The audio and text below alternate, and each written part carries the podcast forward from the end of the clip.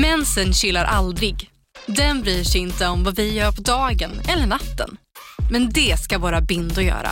Prova Always Ultra dag och nattbindor. Våra dagbindor skyddar när du är aktiv medan våra nattbindor är längre och bredare för att skydda när du ligger ner. Det här klarar vi, dag och natt. Always. Välkommen till Unionen. Hej! Eh, jo, jag ska ha lönesamtal och undrar om potten. Ja, om jag kan räkna med övertidsersättning för det är så stressigt på kontoret jag jobbar hemma på kvällarna så kan jag då be om större skärm från chefen för annars kanske jag säger upp mig själv. Och hur lång uppsägningstid har jag då? Okej, eh, vi börjar med lön. Jobbigt på jobbet. Som medlem i Unionen kan du alltid prata med våra rådgivare. Här! Och här! Och här inne. Ja, med Klarna-kortet kan du välja att betala nu eller senare överallt. Dessutom är det gratis att skaffa och du får reseförsäkring inkluderat. Ansök om Klarna-kortet nu.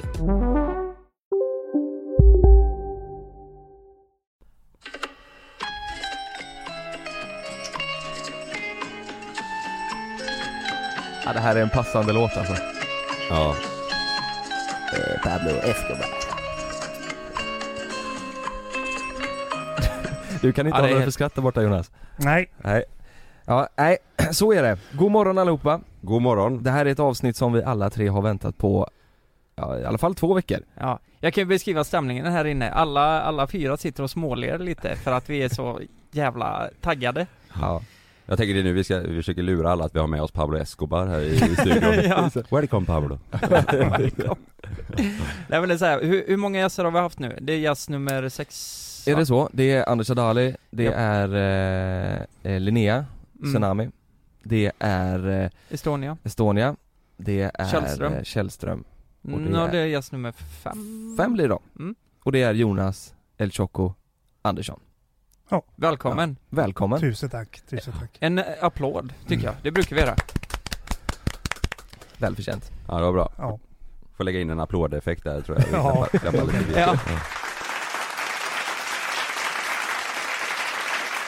Ja. Jag tycker vi ska börja ifrån eh, så som vi brukar göra. Vi börjar i uppväxt och vi börjar Vart, vart, vart är du ifrån? Du är från Göteborg hör vi ju. Ja, Kungälv. Kungälv. Eh, norr om Göteborg. Mm.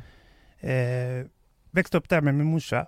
Eh, och allting har fungerat väldigt bra. Jag var precis som alla andra ungar i, i, runt omkring mig liksom, i skolan. Jag hade lite svårt att sitta still men förutom det så, så har jag fungerat precis som alla andra. Mm. Mm. Du berättade ju förut att du, eh, att du ADHD. Ja, Det har du alltid haft. ja det Mm. lär jag ha haft eh, hela livet. Men Ja. det blev, jag fick diagnosen när jag var 36. Ja. Så först då. Mm. Eh, men Kände du att det var något problem när du var yngre? I skola och sådär? Nej, de, Nej. på den tiden så var det ju då fanns det ju inte ens. Så eh, Nej. då sa de bara att han hade Myror i kroppen. ja. Ja, precis. precis. Myror i brallan, Mm. liksom. Ja. Ja. Så, eh, Okej, vad, Ja. gjo- vad gjorde du på fritiden då? när jag var Som ung. Eh, mycket ute och lekte, mycket bygga kojor, mycket... Jag var precis som alla andra. Mm. Tyvärr hade det inte kommit spel och sånt. Ja, Jag kunde det. inte spela. Du, du gillar att spela dataspel eller Ja, va? ja. Mm. Eh, jag tror det är någonting som är väldigt bra för Ja, mig. För ja. jag, då kan Mm. jag verkligen ta det lugnt. Mm. Gud vad skönt. Vad spelar du? Mm, nu är det mycket Dota. Är det Dota? Dota, Dota ja. ja. Fan det är, då har jag mycket polare hemifrån som du hade Ja. Gått jag sa med. också det. Ja. Ja. Det var- CS, är det någonting du har kört? Nej, det går för fort. Fan det är ju det, det, är ju det enda jag kan vet du, CS. Eller Ja. det kan jag ju inte ens det, men det är det enda jag kan lite grann. Ja. Nej, ja, det är ingen idé. Där finns kidsen och de Ja. tar livet av mig. Har inte en chans. Men du, är- du är ingen Fifa-kille? Nej, det är, nej, Nej. det är bara kroppsformen som är Fifa. Kroppsform. Lite boll. Ja. Mm. Ja.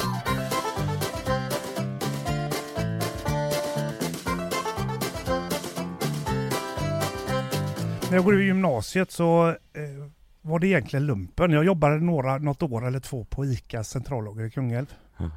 Sen så blev det lumpen uppe i Östersund. Och eh, ja, jag tyckte ganska bra lumpen. Det är jäkligt praktiskt. Du gick igenom hela lumpen? Jajamän, Ja. 11 Mm. månader uppe i Östersund. Mm. Eh, och därefter så var du ner och började söka jobb i Kungälv och, och i omnejd. Mm. Och fick tag i ett jobb som lackerare på ett företag som jobbade för eh, Volvo Mhm. lastvagnar. Mhm. Som anställd då? eh, Mm. till och med. Jajamän. Hur, hur länge gjorde du det då? Jag höll nog på en två, tre år Ja. eh, och kände väl där att jag vill göra mer än att bara stå i den här boxen och måla. Och Mm. fick ett erbjudande att hoppa på eh, ett företag. Ja. Och det gjorde jag. Och det funkade ju skitbra. Hur gammal var du då? Och Jag tror det var, vad kan jag vara, det här med ålder precis Ja. när jag började. Eh, Säg att det var 22 kanske. Mm. Mm. Var det också en eh, lackerfirma eller? Mm. Håll på med lackering med mycket smått eh, för Hasselblad och Ericsson vet jag vi hade som kunder. Mhm. Så fick vi Electrolux som kund och hade helt plötsligt alldeles för mycket att göra. Det var då Oj. jag började käka tabletter för att orka, orka Okej. jobba helt enkelt. Men den när du kände när det blev alldeles för mycket att göra, hur många var ni på eh, firman förresten som skötte den? Vi var sju anställda och så var det jag och en kollega då som drev den. Som, som drev den? Mm. Okej, vad, hur var känslan när det blev för mycket? Alltså vad kände du? Jag, jag känner ingen fritid. Jag jobbar säkert en 12-14 timmar, sju dagar i veckan. Mm. Eh, Ja. Och, och la, kä- var det lacka liksom? Ja. Det var det, ja. Eh, och kände väl till slut. Och så tog jag in mycket kompisar till företaget och gav dem Mm. jobb. Och, och när man Mm. frågar på fredag, fan kan ni stanna över helgen och hjälpa till? Och folk gick hem.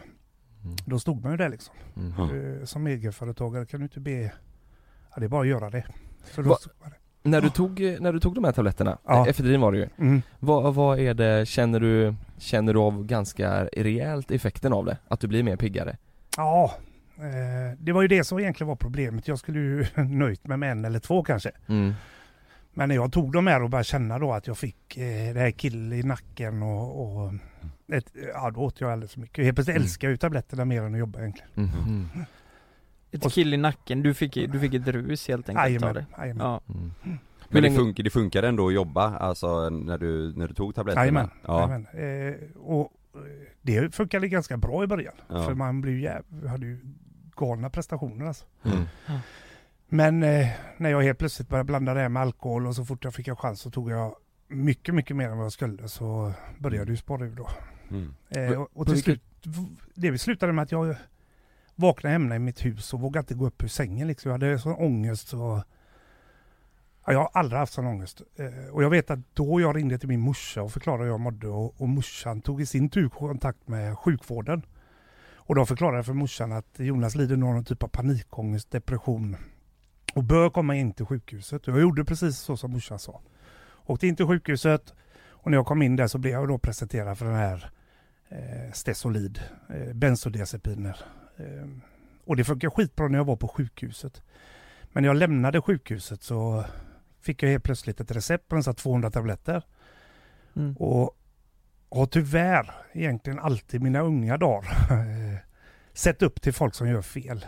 Jag tyckte det varit jävligt ballt med det kriminella och eh, de polarna jag hade då, de förklarade för mig att om du tar mer av de här tabletterna så blir det och går över liksom tröskeln av trötthet så får du ett helt annat rus liksom. Mm. Mm. Och det På de här lugnande Ja, tabletterna på alltså. lugnande tabletter ja. Så när du får mycket bensodiazepin i kroppen så blir det nästan som ett uppåttjack istället. Och, och det testade jag. Och ganska fort så var jag helt fast i det. Mm. Men hur många tabletter tog du då sa du på en dag? Jag åt mellan 30, ja när det började spåra ur, när, det, när jag liksom polisen hämtade mig så då åt jag mellan 30-35 om dagen. Men det kan man inte ta som, tar jag det idag så dör jag antagligen. Vä- Vänta, vänta vad, vad polisen hämtade dig? Va- varför hämtade de dig? Eh, det var, det var min dåvarande flickvän och morsan tror jag som eh, ringde till polisen. Och de visste inte vad de Oj. skulle göra? Aha, ja, okej. det höll på att spåra Okej. fullständigt.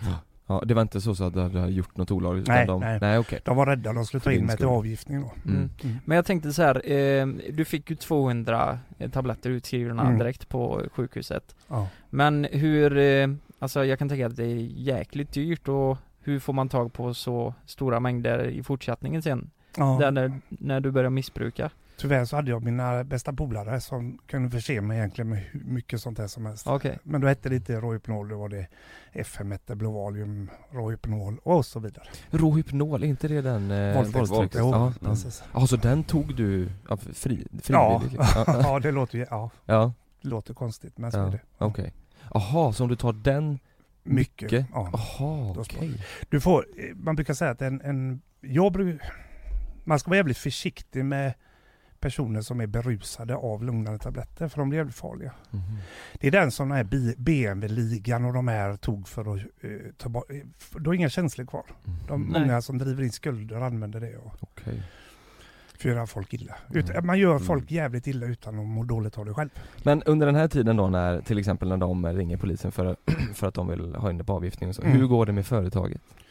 Eh, då blev jag, eh, jag vet att jag skrev ut mig själv från företaget. Mm. Eh, lämnade det. Eh, för det är också en baksida, eller det finns ju bara baksidor av de här tabletterna tycker jag. Men en utav baksidorna är att man blir kleptoman alltså, om man äter dem. Mhm. Jag vet att jag gick in på Maxi och kom ut med ett paket blöjor liksom och jag hade inte ens barn. Eh, man, blir, man tar allt som inte är Ja. Jaha. Och jag var till och med på och tog grejer på mitt egna företag. Eh, vilket är helt galet. Ja. Så jag skrev ut mig, jag, jag lämnade företaget där. Ja. Hur länge, hur länge pågick det här då? Från att du började med tabletterna till att du skrev ut ur företaget liksom? Ja, säg ungefär två år kanske. Ja, det är Ja, från och till. Jag var inne och jobbade, försökte, men så Mm. spårade ur igen och så. Din, men din kollega, han, visste han, eh, Mm. eller hon detta? Han, Han, han ja. förstod det till slut tror jag. Ja. Eh, Sen att lämna företaget var nog min egen vilja där, Mm. för jag mådde ju Samtidigt som jag då missbrukade det så mådde man ju skit liksom. Mm. Man mådde ju inget bra. Nej. Men, men eh, försökte du, jag kan tänka mig att du har försökt sluta under den här perioden någon gång i och med att du visste att du hade ett Mm. problem. Flera gånger. Mm, Hur kändes det, alltså, hur kändes det när du försökte sluta liksom? Var blev det mer ångest liksom eller? Ja, eh, ja absolut, mer ångest. Och Avtändning på benzo är vidrig. Eh, Ja, Och det är ju någonting som är vettigt att säga. Eh, Man får inte avgifta folk eh, privat liksom. Ska du Mm. lämna bensomissbruk så måste du ha professionell läkarvård. Mm. okej. Det är den enda drog du kan dö på avtändning liksom.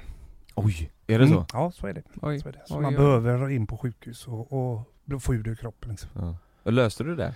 Eller? Ja, jag gjorde det på sjukhuset. I Ja. början var det, gick det inte så bra för jag hade smugglat med mig nästan 200 tabletter in på sjukhuset. Jaha. Så de undrar ju varför Jonas inte landade liksom. Vart låg Ja. du då någonstans?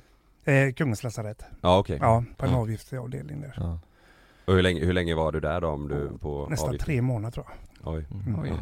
Eh, Och sen till en början gick det ju inte bra då. Men Mm. sen då när mina tabletter var slut så blev det ju panik. Ja. Eh, Och, eh, men sen så vände det och då liksom började jag träna inne på avdelningen, satt mycket på träningscykel och Mm.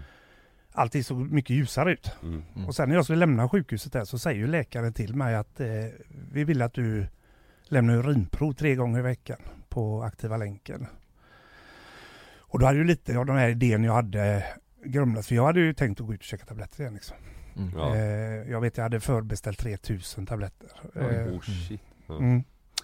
Eh, Men när jag kom ut då så, så sket det ju sig lite. Och vad, vad jag gjorde då det var att jag testade amfetamin för första gången och då spårade det ut fort. Mm. Riktigt fort. Eh, Och amfetamin, det injicerar du det eller? Nej, nej. nej. jag tog det eh, på, på några, ja, Ja. eh, bombade eller drack det. Ja, eller okej. snorta. Ja. Ja för, för det, alltså det är väl som crystal meth? Amfetamin eller? Ja, en mildare version av Crystal. Ja, Okej. Ja. Ja. Okej. Tack och lov så har vi inte Crystal i Sverige i, i stora utsträckning än. För det Nej. är som man har säkert ni har hört, eh, det liksom ödelägger stadsdelar i USA. Ja, Ja, just det. ja. Tack och lov så har det inte slått i Sverige. Nej. Nej. Nej, jag får hoppas att det förblir så. Ja, Mm. verkligen. Hur länge för, håller du på med det här då? Alltså Eh, amfetaminet innan det, det sket sig? amfetaminet höll jag nog på kanske med ett år ungefär. Ett Mm. och ett halvt år. Mm. Eh, men varje dag. Sju Varje dagar i dag? Ja, Och, och då hade du inget jobb under den tiden? nej, nej. Du gick eh, arbetslös. Men jag hade ju mina bästa vänner liksom. De visste att jag hade företaget tidigare och hade gått om pengar. Och, Mm. och, Mm. och jag sa så fort jag är igång igen och jobbar så betalar jag. Mm. Men den dagen kom liksom aldrig. Så allt var på krita hela Allt. tiden? Ja, Ja. Även de där 3000 tabletterna. Ja just det. Hur löste du det sen då? Ja, det blir ju det här som, som eh, eh, att eh, kompisen ringde mig och sa att jag fick åka med han in till Göteborg eh, för att träffa killen som ägde skulderna. Och Mm. jag åkte med han in från Kungälv mot Göteborg. När man kommer där på E6 och kör under Angeredsbron så ligger det ett litet industriområde på vänster sida. Det var där och sen meshhandlare utanför meshhandlare där vi, vi träffade den här killen. Mm. Och jag gick in i hans eh, bil och han bara köra ut mot Hisingen. Och på vägen ut där så ställer han egentligen frågan. Det är inte så att han sitter och, och hotar mig på något sätt. Mm. Utan han ställer frågan rakt upp och ner. Eh, eh, du kan lösa de här skulderna genom att åka ner till Bolivia och hämta två väskor till mig. Och nu pratar vi alltså ultimata ADHD, alltså det är eh, eh, helt impulslösa. Mm. Och jag sa bara ja. Mm. Det var inte så att jag behövde tänka eller... Inget konsekvenstänk eller Nej, överhuvudtaget. Och jag, och jag vet hur korkat det kan låta alltså. Var du hög när du åkte där? Ja det var jag nog. Ja. Så det Eh, kanske var det som Ja dels det men ja. sen så just det här, eh, fan tänk efter liksom. Ja. Ja, ja. men hur, eh, får man fråga, hur stora var skulderna just då liksom? Hur mycket? Jag har fått den här frågan flera gånger, jag vet inte exakt hur Nej. mycket jag var uppe i. Men bara de här 3000 tabletterna, säger att du betalar en 20 styck. Mm. Åh herre jävlar. Och sen så har du ju övrigt då det året. Så Ja. det var ganska mycket. Vad, Eh, vad kostar eh, amfetamin typ? Hur köper man det liksom? Är det i, eh, gram. i gram? Eh, Ja. Jag vet inte vad det kan ligga på nu men då ungefär en hundring, 150 spänn grammet. ja. Mm. Men just i det tillfället, då, då sa han bara att skulderna är kvittade om du hämtar hem de här Mm. väskorna till mig. Och han sa även att jag kunde tjäna en slant på det. Just det. Var det bara du och han i bilen då eller? Mm. Mm. Bara jag. Okej. Ja, det, men- och, och då sa du, då sa du ja till det? Ja. Och då skulle det vara, skulle det vara liksom nästa dag, nästa vecka eller Nej, det? men det gick fort. Ja. Alldeles för fort. Eller alldeles för fort. Men det gick väldigt fort. Jag vet att direkt efter jag hade träffat han i bilen där så stack jag ner till Malmö. Jag brukar alltid vara i Malmö sista halvåret egentligen. Innan jag försvann till, till Bolivia. Eh, älskar att vara i Malmö. Eh, Bara, bara för att du gillar vad det är så var det? Det var inte ja, så att det du var så lätt där. Ja, Jag hade ju en del kompisar där nere men, men det var så lätt att vara där nere för morsan behövde inte bry sig. Hon blev inte rä- orolig och Mm. syndes liksom inte. Kunde Nej. missbruka utan att någon eh, blev skadad hemma liksom. Var var bodde du då när du var i, i Malmö? Eh, eh, olika människor, ja, kompisar och, Ja. och en tjej som jag brukar träffa upp där. Ja. Eh, Som så jag- också missbrukade eller? Nej, Nej? Eh, konstigt nog så. Men de visste om att du missbrukade? nej, Nej, nej okej. dölde det som sjutton. Ja. Så, och det var så, eller roligt, nu kanske man säger för mycket men hon jobbade liksom polisens eh, häststall. Nej. Nej. är det Jo. sant? Ja, så dit åkte jag och hälsade på henne. Oj. Och de märkte ingenting? Nej, nej jag var där och hämtade upp henne och så. Oj jäklar. Ja, det är nog ingen annan som vet det nu. Nej. Nej, det var något nytt. Nu vet ni det. Ja, och hon kanske känner igen sig. Ja. Ja. Okej. Eh, så så gjorde jag, jag åkte ner dit och jag vet att de ringde mig hela tiden när jag var nere i Malmö. Och ville liksom planera och prata om det och jag bara klickade dem. För de, jag som, de som ville skicka det till Jajamän, Bolivia. och jag mådde ju så jäkla dåligt. Ja. Eh, någonstans så fattar man ju att man är på väg att göra något jävligt dumt. Ja. Eh, Mm. Så jag vet att jag klickade dem flera gånger. Tills jag till slut svarade på kompisen som ringde och då var det inte den här bästa polaren längre. Utan det var ganska aggressivt och, och jävligt otrevligt. För jag vet att han sa till mig det att vad fan tror du är? Vad fan håller du på med liksom? Mm. Det är bara att se till att komma upp nu. Du, du ska åka om en vecka eller om det var tre dagar eller något. Och jag stack upp från, från Malmö, kommer upp till Kungälv igen och, och eh, får åka hem till, till morsan för jag vet att mitt pass ligger hemma i hennes bokhylla. Mm. Eh, och när jag kommer hem till morsan där och hon får syn på mig efter den tiden i Malmö så, så börjar morsan bara eh, storlipa liksom. Hon blir jätteledsen. Eh, och jag blir skitstressad och sticker in i, i vardagsrummet, hämtar upp passet och så, och så ehm, eh, säger jag hej då till morsan. Och säger för jag åker ner till Malmö igen och, och du behöver inte vara orolig morsan. Visste hon om att du missbrukade då? Din mamma? Nej. Nej, hon visste ju att jag hade problem liksom. Ja. Hon, hon sa ofta det till folk att Jonas mår inte bra, han, han tar tabletter. Och ibland kanske det blir lite mycket liksom. Mm. Men eh, Hade du rasat i vikt och så då också eller var, varför? jag har aldrig blivit påverkad av nej, nej, men jag såg jävligt sliten ut. Ja, Eh, aldrig tappat vikt liksom på, på droger. ja men såg du förändrad ut om man säger eller varför? Ja, jag tror det. Och Ja. framförallt, jag tror att morsans instinkt liksom. Ja. Jag får känslan av att, jag har aldrig pratat med henne om det. Men jag fick liksom känslan att hon fattar att nu är det någonting som är fel liksom. Mm. Mm. För hon var skitledsen. Men ens Eh, mamma ser väl det i Jag tror det. sin Jag tror- sons jag ögon tror det, liksom att ja. det är... Ja. eh, Så då mådde, ja, jag vet att jag själv blev jävligt ledsen. För Mm. man vill inte såra morsan. När man vill inte se sin mamma så Nej, nej. Mm. Eh, Så jag eh, gick ut därifrån, satte mig i min bil. Polaren körde min bil upp till Landvetter och på vägen upp dit så vet jag att han alltid, han tjötar liksom. Du behöver inte vara alls orolig Jonas, liksom. Du, när du kommer ner hit nu så, så har vi Mm. koll på allt. Vi har kontakt med polis, vi har kontakt med... Ja, det är ingen fara liksom. Se det som en semester. Mm. Och så, så triggar han det hos mig, liksom det här att jag såg upp till det här kriminella. Alltså du träffar de största kokainhandlarna. Okej, Och jag tyckte det lät rätt ballt liksom. Ja. Mm. Och så körde han upp med det till Landvetter och så vet jag att han gav mig ungefär 7-8 tusen kronor. som fick pengar och så hej då liksom. Men så, men eh, du sa att, han sa att de hade kontakt med polis och grejer. Han menar alltså att det var, det var lugnt liksom? Mm, Om, ja, han sa ju att eh, polisen var betald. Boliviansk ja, polis. Boliviansk polis, Ja. jajamän. Ja. Eh, så när jag ska lämna landet där så är det liksom Det är ingen lugnt. fara, allt är Mm. förbetalt. Och om något skulle gå snett liksom, så vi, hade de kontakt med både åklagare och domare. Och, du, du, du kan vara helt lugn liksom. Mm. För att det skulle vara så korrupt där då, tänker Ja, jag. Ja. och framförallt då för att lugna mig tror jag. ja. Mycket. Ja. Men vet du om det stämde i viss mån? Hade de eh, någon typ av kontakt med polisen i Bolivia eller? Ja. Det hade de? Ja. Eh, Jag tror, jag vet inte om jag, nu är det länge sedan jag gjorde den här Petra dokumentär men jag vet inte om jag nämnde det där. Nej. Men jag träffade poliser där nere, boliviansk polis. Eh, och en sak som var jävligt otrevlig det är att en av de majorerna jag träffade Mm. Pratade svenska.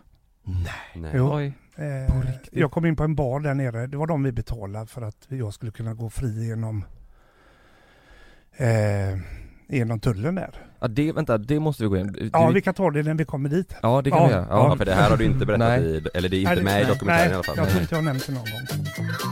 Ja men eh, vi går eh, snabbt tillbaka till Landvetter då. Mm. Du, du är där, du ska gå på planet och Mm. be dig av helt enkelt. Då är jag ganska hög vet jag. Jag har tagit rätt mycket droger. Ja. Eh, hoppar på flyget och de flyger ner till Köpenhamn. Och i Köpenhamn har jag flera timmar transit. Och jag vet att jag går runt där och jag kommer Jag har fått liksom 7000 spänn i fickpengar. Jag vet att Mm. jag köpte en jävla handdator där för 4000. Oj. jävla impulslöst. Eh, Och typ en iPad eller ja, det- på den tiden var det liksom du vet sån här fickminiräknare. ja, skittunt var den. Eh, Du vill ha den på flyget? Jag vet inte varför. Totalt impulslöst. Ja. Eh, Mer än hälften av det. Men Ja. Vänta lite här, vilket, eh, har vi sagt det ens vilket år det är? Det är 2001? 2001 va? ja, Väl. precis. Ja, 2000, 2001 va? Fan det Mm. tänker man ändå att eh, om du ska köpa en dator för, vad kostar den? 4000? Ja. Eller så här Att, eh, ja det, det fanns inte så mycket, alltså det fanns ju inga iPads eller Nej. 19 år sedan. Det är ändå 2000-talet liksom Ja. men det, Ja. Och det, det fanns inte ens färgskärmar på telefonen liksom. Nej. nej men Nej. precis Det var de här eh, man skickade sms för att få eh, häftigare ringsignaler. Mm. Ja just Ja. det. Men vad var, varför köpte du, eh, ville du spela något spel på Nej, den eller? det vad? kunde man inte ens tror jag. Nej, Totalt impulslöst. du köpte var en jävla miniräknare bara? Ja, för Mm. 4000 spänn. Smart. Gött. Ja. Mm. Ja, det vet jag. Jag, kommer, jag glömmer det aldrig för jag, det är ju inte mina pengar här liksom. Nej. Utan de har gett mig det för att jag ska ha det att leva på och så Mm. bränner jag hälften på... Och jag drack ju rätt mycket öl på den tiden. Så Ja. överallt så att jag bara drack öl. Mm. Men i alla fall så går jag på flyget i Danmark kör, och det går till London. I London så tankar de och sen så går det över till São Paulo, Brasilien. Hade du mer än nå- något olagligt dit? Jag tänkte om du var Nej. med tabletter och så? Nej. Ingenting. Nej. Eh, och jag börjar ju tappa ruset i, i... Eller jag var ju helt ren. Alltså från ruset när jag kom till São Paulo. Mm. Och då blir det liksom som en käftsmäll. Man bara tänker... Vad fan håller jag på med liksom? Och fattade du då lite Ja, mer? jag börjar, börjar mer fatta då. För det är ju inte så att du kan gå ut och ta svenska i São Paulo liksom. Nej. Och min engelska var värdelös och de pratar ju knappt engelska i Latinamerika. Nej. Så jag vet, jag gick runt där. Jag har fått en lapp, handskriven lapp av, av killen i bilen. Att det är ett hotell dit jag skulle ta mig för att de skulle komma och hämta upp mig. Och jag gick runt bland taxibilarna där och liksom försökte få dem att, att förstå vad jag ville. Och det, det är skitsvårt. Mm. Och jag vet att jag tänkte då att fan jag skiter där. Mm. Jag går in, försöker byta min biljett och så åker jag hem. Mhm. Men jag, Vad, vad tror du, eh, om du får se nu efteråt, Ja. vad hade konsekvensen blivit av att Ja. du tar det första flyget hem? jag hade inte överlevt tror jag. Nej, det är så pass illa? Ja det tror jag. Mm. Det tror jag. Det hade de aldrig köpt. Om jag kom hem till Göteborg och sa liksom, fan de fattar inte vad jag så. Nej. Så jag vet, till slut så var det en taxichaufför som tog upp mig i alla fall och körde mig ut till ganska, eller sämre delar av São Paulo. Och jag tog in på ett hotell där. eh, Och jag kommer ihåg att jag hade svårt liksom bara med mat. Så jag, eh, ett par chipspåsar liksom, en cola uppe i ett rum och så låg jag där uppe och väntade. Mm. Tror jag var där i två dygn ungefär på det hotellet. Tills den här telefonen i rummet ringer och det är han från receptionen som säger att jag har besök. Mhm. Och då vet jag att jag blev rätt så tagg, eller, nervös för jag tänkte att nu står den här mm, feta messan eller limon där nere Mm. med kokainkungarna. Mm. Eh, Och jag packade ihop, för jag hade liksom en handväska, en sån här sido, typ dataväska full med kalsonger och t-shirt liksom. Mm. Mm. Tog det, sprang ner och när jag kom ner i receptionen där så står det eh, fattig lantbrukare där liksom. Mm. Som inte har, ser skitfattig ut. Och jag tänkte det här kan inte stämma liksom. Det här är fel. Men han visste ju vad ett efternamn och, och Mm. så, så jag följde med han liksom. Jag tänkte han har säkert blivit ditskickad av någon för att han ska hämta ut mig från hotellet. Men det var han liksom. Mhm. Och det var ingen limo utan det var eh, två tåg, eh, bussbiljetter från São Paulo till Corumbá, gränsen mot Bolivia. Då. Så jag hoppade på en buss där, 18 timmar buss med den här gubben. 18 timmar? Ja. Åh herrejävlar Ja, Pra, pratar ni någonting? eh? Ja, nej, exakt. nej, jag kunde, jag kunde typ eh, una cerveza på det favor. Ja. Det var ju det jag kunde. Så Ja. du sa det till honom hela tiden? Ja, och- oavbrutet Ja. hela vägen. Ja.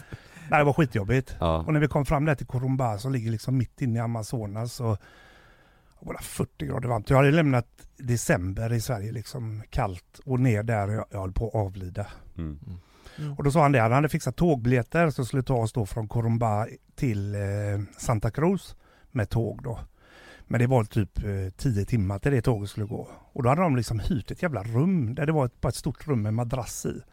Där vi skulle liksom vila och jag bara nej, det händer inte, jag ligger inte där inne. Mm. Så jag vet jag satt mig på en bar och satt där och drack då och väntade på att vi skulle åka till, vidare med tåget då. Var du i det här, i Corumbá då? Ja, Corumbá ja. Mm. Eh, ja, liten gränsstad liksom. Mm. Och hoppa på tåget med han. Och det bara gå till, till, mot Santa Cruz då. Det är nästan också ja, 16-18 timmar med tåget där.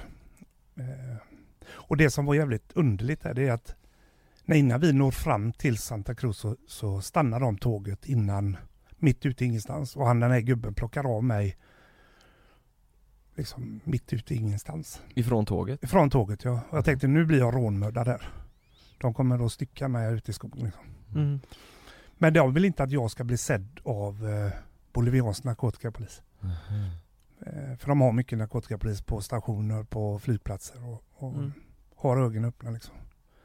Så han tog av mig där och vi hamnade mitt ute ingenstans liksom. Men, men du hade inte med dig någon narkotika då? Nej. Var det bara för att du var vit då? som- ja, som- de får ögonen på mig och, och jag brukar säga det att boliviansk narkotikapolis är världens bästa. Mm. Eh, för att de letar jag skojade, jag pratade med svenska tulltjänstemän och så sa det om ni hade fått 100 000 för varje ni tog, hade inte ni letat lite bättre då? Mm.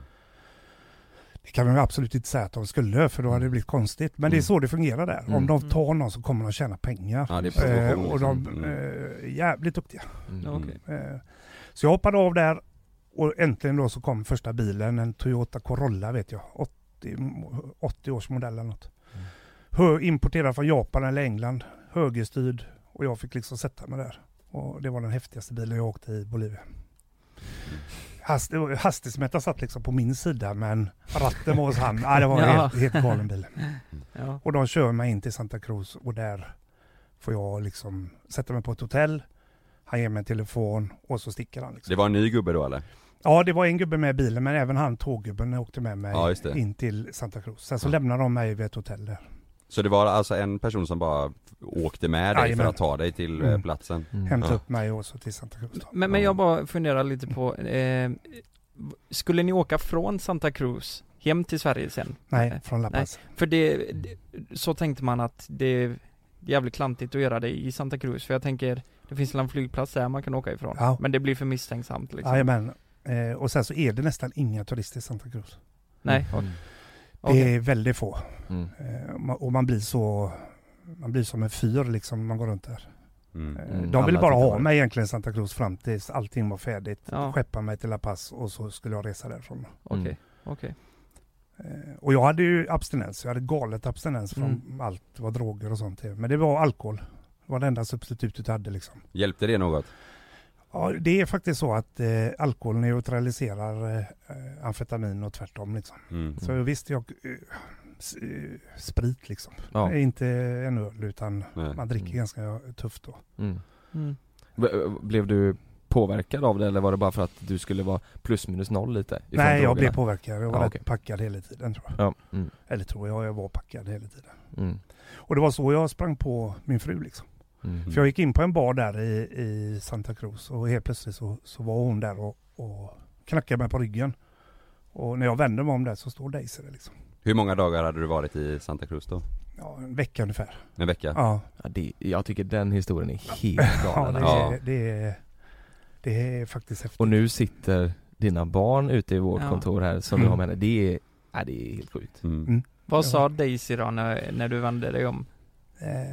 Eh, hon, hon presenterade sig och, Ja. och eh, det blev liksom verkligen klick på något sätt. För Men vi, vad, vad fick hon fram till dig för? det, det är jäkligt, hennes farbror äger den baren. Mm. Eh, och det var så att hennes kusin hade kommit hem till dig så sagt fan det sitter en, en liksom gringo där borta. Eh, blå gringo liksom, du måste kolla. Du måste kolla. Lite sådär zoaktigt. Ja. Eh, och Ja. hon liksom går bort mest för att säga, kolla och säga hej liksom. Eh, Sa hon gringo till dig? nej, det gjorde hon inte. Jag tycker det är personligen jävla skäls, eller så fult ord, gringo. Jag, det kommer ju från liksom kriget Mexiko och USA Mm, och de mm, är liksom mm. green go och, och eh, jag gillar det inte alls. Så eh, det, som amerikan så överlever du inte latinamerikanska fängelser. Nej. Nej, Och då är det farligt att få den eh, stämpeln som gringo då. just det. Mm. Men hon, eh, hon kunde inte heller så bra engelska eller? Nej, mycket, eh, vad heter det, lexikon. Ja. Eh, Mm. ja. Jaha, okej. Och så jag lärde mig lite spanska och hon kunde lite engelska och på den liksom, vi gjorde alltihop efter det att hon hade hälsat mig där. Mm. Och jag var väl desperat, inte bara från missbruket men även det här sociala, att få prata och umgås liksom. Mm. Mm. Eh, Så vi gjorde allt. Vi gick ut eh, på krogen, jag fick hänga med henne, hennes brorsor ut och dansa. De släpade ut mig på karaoke på kvällarna för de tänkte Oj. ju liksom, här kommer han, kan engelska, han kan vara duktig på karaoke. Liksom. Mm. Men hur, inte- hur var folket på, liksom, på barer och på, om ni gick ut på karaokeklubb? Så Alltså var, var folk trevliga? och- Absolut, Ja. skittrevliga. Eh, ja, jag trivdes riktigt bra i, i Santa Cruz. Det, var, det, var, det är det är inte farligt i Santa Cruz så för Inte dig? då. Så, nej. Inte då, nu är det nog värre. Nu är det lite som i Mexiko, där Ja. du kan bli rånad i ett stoppljus. Liksom. Ja. Mm.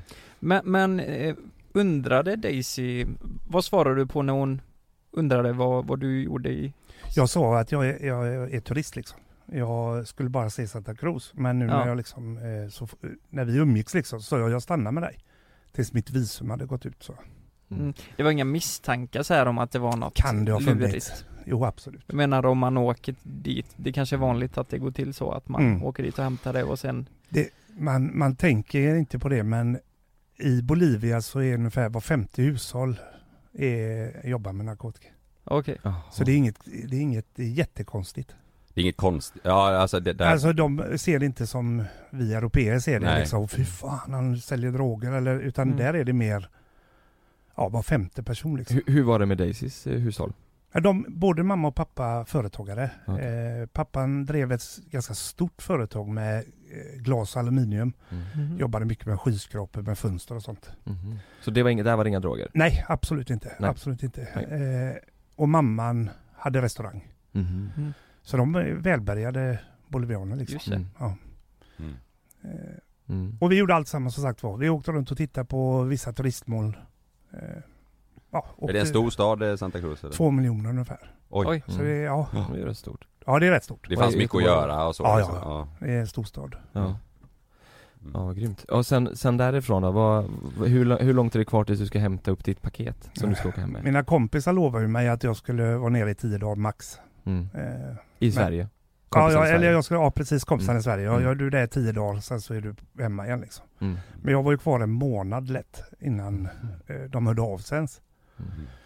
Ja, de hade inte bokat någon hembiljett då alltså? Nej, nej. Okej. Eh, utan Det, jag, det måste varit rätt skönt att inte få det där samtalet va? Det, ja, jag menar ja. att kunna vara där och ha lite semester och umgås med Daisy och den biten liksom. nykär och, och Ja. ja. det var skit. Och jag vet att jag tänkte att jag skiter i det. Och Mm. lever kvar där nere? Ja. eller? ja. Men då, vad hade hänt då med, med min morsa, mina syskon? Mm. Ja exakt. Så den oron fanns ju liksom. Mm. Eh, Men, men till slut så hör ju de här gubbarna av sig och säger att eh, dina väskor är klara uppe i, i La Paz. Och jag är ju tvungen att säga då till Daisy där. Mm. Var det jobbigt? Ja, det var faktiskt jobbigt för båda två. Mm. Mm. Eh, Det blev jävligt känslosamt och, och som tur var så bad jag om hennes nummer liksom. Mm. För hade jag inte gjort det där då så hade det varit kört liksom. Ja. Såg du det på telefonen? Att eh, det var det numret som ringde eller var det dolt? Ja, nej, de, de gav ju mig den här mobilen så Ja. eh, eh, de bara ringde liksom. Mm. Ja. Hade du på känn att det var dem och Ja. att det var dags Ja. liksom? Hur fan, det måste vara som ett hugg i hjärtat liksom. Ja, det var ju jäkligt jobbigt. Ja, ja fy fan. Men koll, de kollade aldrig dig så här under tiden du var med Daisy och Ja, hängde det vet där? jag inte. Nej, Det var ingen Och du sån- menar Om de hade ja, koll de på- typ, om de typ ringde eller om du såg att det var någon Span, som var och tittade till Nej. dig ibland eller så? Nej. Okej. De ringde inte i alla fall. Nej. Sen så om de var efter mig, det vet jag inte. Nej. Men bodde du ho- hos Daisy under tiden här då? Ja, i början hotell, men sen så, så fick jag vara med Daisy Ja. och, och eh, fick till och med ett eget rum där inne hos dem, Mhm. där jag bodde. Och fick vara med hemma hos dem och, och fira både ny, jul och nyår. Mhm. Eh, Skön familj. ja, dig. Ja, Ja. skithäftiga. Och hon bodde med sina föräldrar? Mm, mm. Ja, jag var, var nog första pojkvännen tror jag. Ja, hur gammal var Daisy? Hon är 79, så hon Ja. är alltså fem år yngre än mig. Ja, Och Hur gammal var hon? Jag var 27 och hon var alltså 22. ja. Nej fy fan vad häftigt. Ja, då ringer de och säger ditt paket är klart, Mm. du ska tillbaka till Sverige. Jajamän. Ja. Så då, sätter, jag- då säger jag ta farväl av Daisy på busstationen i Santa Cruz. Hoppar på eh, eh, den här bussen då. Och då har vi ytterligare en sån här eh, 18 timmars eh, bussresa upp till La Paz då. Mm. Och när jag åker mot La Paz så, så på halva vägen ungefär när man kommer till ett ställe som heter Cochabamba så är det en kille som går på bussen och sätter sig jämte mig där. Eh, och det är den här killen då som presenterar sig som, som Gatto. Mm. Eh, och jag visste ju inte då att det betyder katt. Nej. Utan ja, ja Gatto, okej. Ja. Eh, och han förklarade för mig på ganska knagglig engelska att han skulle se till att allting praktiskt fungerade för mig. Och han åkte med mig upp till La Paz och när vi kommer upp till La Paz så går han med mig till ett hotell och när vi närmar oss hotellet så lämnar han mig och säger att jag ska checka in på det hotellet och han dyker upp senare. Mm. Och jag gör det. Jag checkar in där och senare då på eftermiddagen så kommer han till mig då. Eh, eller nästan kvällen. Och då har han med sig de här väskorna som jag ska ta tillbaka till Sverige då. Mm. Och jag hade ju köpt kläder, jag hade nästan varit där en månad men hade jag tagit alla mina kläder så hade jag nog fått plats i en normal ryggsäck liksom. Mm. Om man hade tryckt ner alla mina kläder. Och det här var två redigt stora liksom, resväskor. Mm. Var det kokain i dem då? Mm. då under, när du fick dem, då var det klart? Jajamän, eh, och då var det inbyggt i liksom, fodret i väskan. Mm. Eh, I aluminiumprofiler som de hade böjt ut efter väskan. Mhm. Okej. Så om du tänker ett aluminiumrör som man fyller med droger och så bankar du det platt Mm, det. och sen böjer ut efter väskan. Hur Mm. kommer det sig att det var, äh, vad var resonemanget att det var så stora väskor? Jag menar, det, det är ju inte så jävla diskret liksom. Nej, nej. Jag tror tanken hos dem är eh, större väskor ju mer löpmeterprofil Mm. liksom. Mer mer, droger. mer droger. Eh, det är det Ja, enda just. jag kan tänka mig. Eh, för det var ju inget eh, det blir jättekonstigt när jag la i mina grejer och inte ens fyllde en halv väska liksom. Ja. Mm. Ingen människa reser ju med tomma väskor. Var det så här Ja. stora svarta väskor typ eller? Ja, nu- jag vet inte, svarta var de nog inte. Jag vet inte sjutton, de var Nej. röda eller blåa eller. Mm, mm. Mm. Men de var enorma liksom. Som Jag- hockeybags typ eller? Vet du? Nej, det är riktiga sådana men Hårda, liksom. Ja, hjul man Ja, rullar okej. efter ja. sig. Ja. De som reser brukar ha en stor och en liten liksom. Men Ja. det var två enorma väskor. Mm. Och redan där kändes det fel. Mm. Eh, och jag sa till honom att vi måste fylla dem här med något. Vi, vi får peta i vad som helst. Eh, och det slutade med att vi, vi tryckte i handdukar, souvenirer, allting bara för att de skulle vara fulla liksom. Mm. Mm. Och det var här då jag fick träffa den här majoren då. För han sa till mig att, att först var det att jag åkte till ett torg med den här Gatto. Och så skulle jag sitta på det här torget och han förklarade för mig att de här poliserna som jobbar på flygplatsen, de kommer att titta på dig nu. Du kommer inte se dem, men de, de, de är här. Mm. Mm. Och jag har ju efter tänkt många gånger om han bara sa så. Mm. För att jag skulle vara lugn liksom. Mm, just det. Och att jag satt där och trodde att folk tittade på mig. Eh, och där satt vi. Eh, efter det då så åkte vi till den här baren och när vi kommer dit så går vi in i en stängd bar och inne i den här baren så sitter det poliser. Mm. Eh, och en utav de här helt plötsligt börjar prata svenska med mig. Mm. Bra svenska liksom? Bra svenska ja. Jaha. Eh, och förklarar för mig att han har jobbat i ett utbytesprogram med Sverige och polis och, och jättekonstigt. Men Eh, att han, sk- han var på din sida då eller? Ja, han var den som såg till att det här funkade på flygplatsen. Men då, satt de i men- u- uniform eller? eh, I uniform. I uniform Ja. där inne? I, en, I en bar som var stängd och ingen Jajamän. annan var Det var jag och dem och så den här Gatto då. Så den svenska polisen sa, vet du vad jag har koll på det här, ingen kommer ta dig? Ja. Och herre jävlar. Mm, och då kände jag mig lite lugnare. Ja det förstår jag ju. Ja. Men han, men han bullshittar då, helt enkelt? Ja, eller om det är att det är någon annan som har satt dit mig på annat Ja, sätt då. Eh, Mm. Jag tror det fanns en tanke om att jag skulle ta mig hem. Ja. Och då har de fått en slant då för att kunna göra det här Mm. mot dig? Mm. Eller för att hjälpa dig? Ja. Ja, för jag, vad jag förstår så hade killarna i Sverige skickat in ganska mycket pengar för att jag skulle gå igenom där. Mhm. Eh, och den här killen Gatto hade mycket av de här pengarna när de tog oss sen. Mm.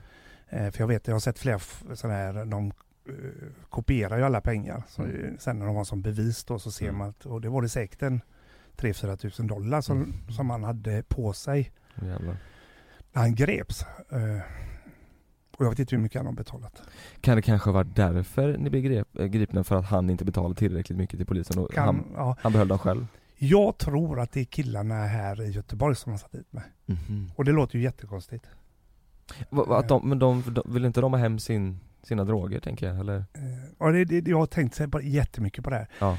Eh, men jag, antingen att de blir rädda och tror att jag kommer sätta dit dem om jag Aha. eh, Mm. åker fast.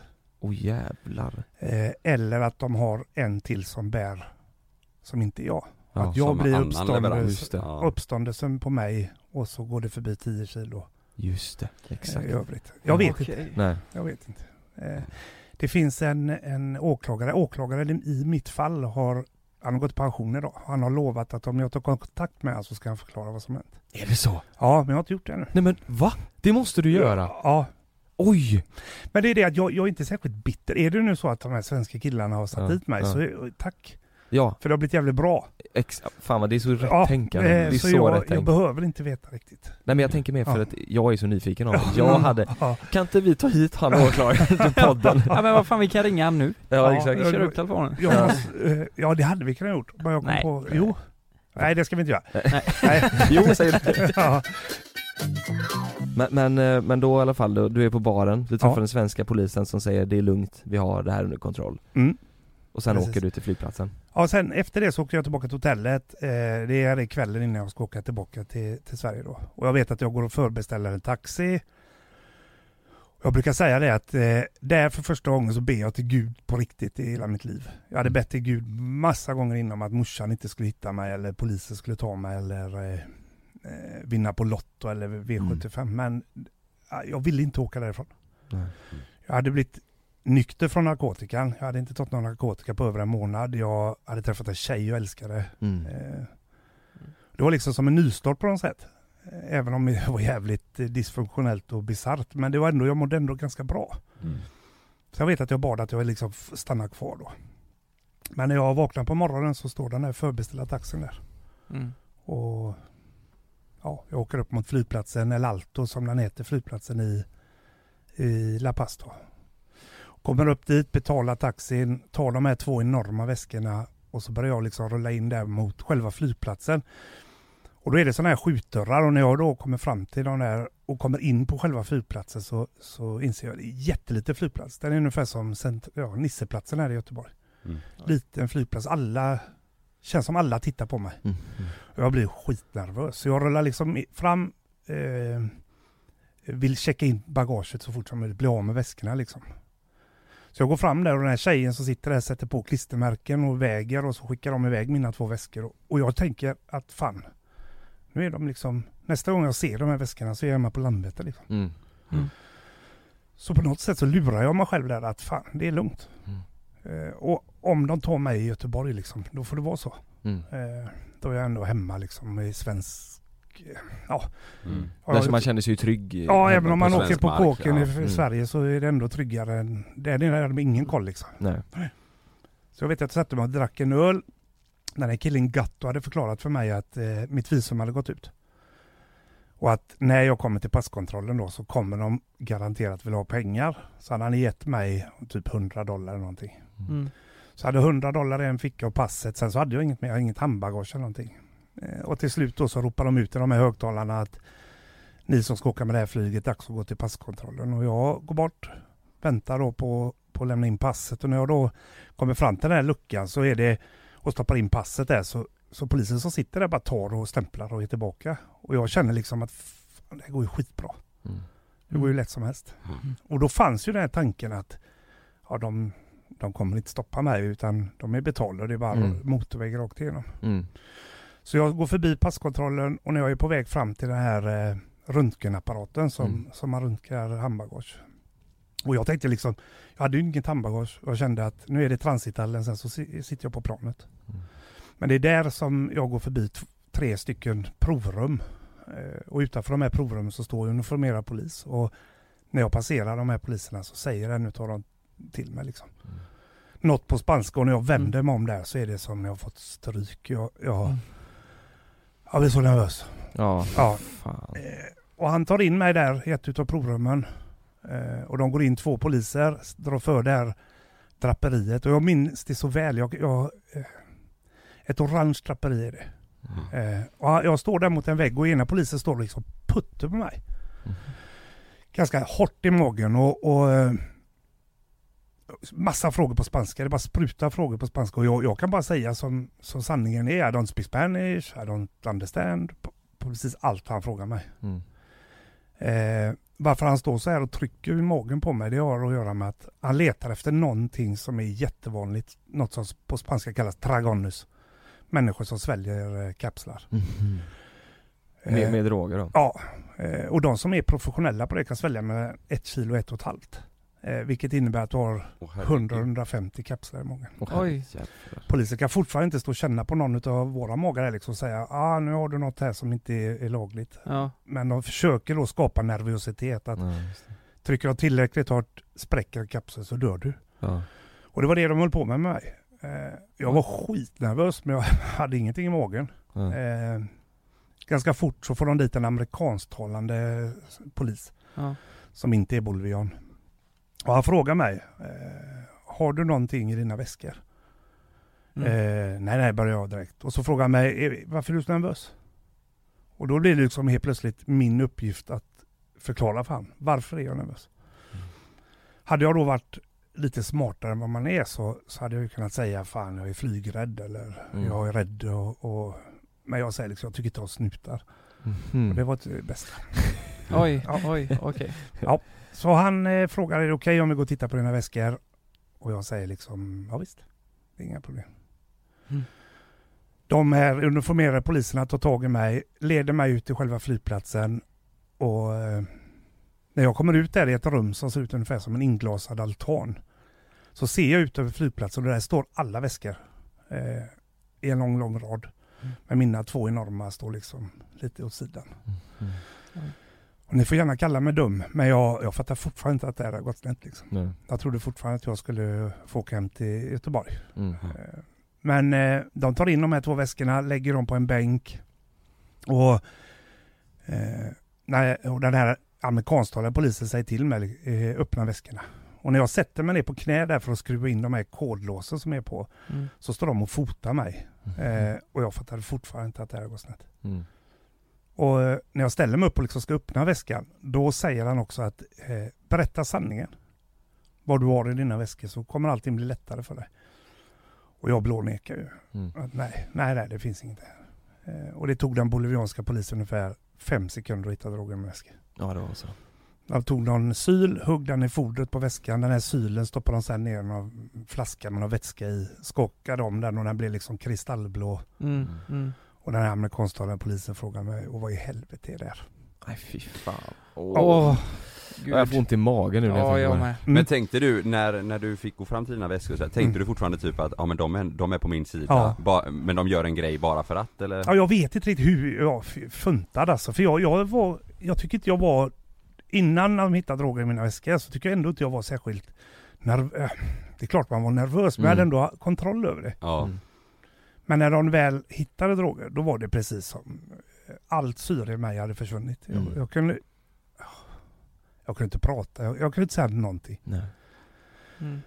Jag kunde inte be om ursäkt, förlåt, jag kunde inte säga någonting. Det var bara tyst. Ja, jag, ja det funkar inte att prata liksom. Nej. Mm. Vad, vad, tänkte, vad tänkte man på där liksom? Vad tänkte man på? Allt, ja, Allt möjligt va? Det, ja, och de blev ganska aggressiva direkt där. Ja. Mm. Så de fick ner mig på backen, fick på mig handfängsel bakom ryggen och så började de släpa mig ner i källaren på den här flygplatsen. Och då tänkte jag ju att nu ska de piska skiten ur mig här nere. Mm. Och jag vet att på vägen ner i källaren där så, så började jag redan där tänka vad fan ska jag säga? Så jag började ju liksom skapa min historia. För det som kanske låter bisarrt är att killarna i Göteborg var fortfarande mina bästa vänner. Mm. Jag älskade dem som mina bästa vänner liksom. Mm. Och jag skulle aldrig sätta dit dem.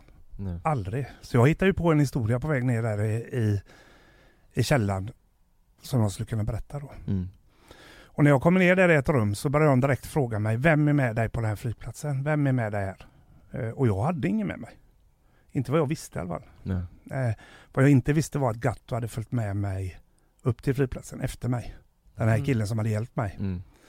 Och vad jag heller inte visste var att Gatto bara tre månader innan hade suttit i fängelse för en precis likadan resa. Eh, så de hade faktiskt gripit Gatto innan de tog mig med väskorna. Han, han hade suttit några år då, eh, Mm. kommit ut tre månader tidigare Ja. eller någonting? Ja. Och så hade han gjort så här igen. Så de kände igen honom? Ja, det gjorde de säkert.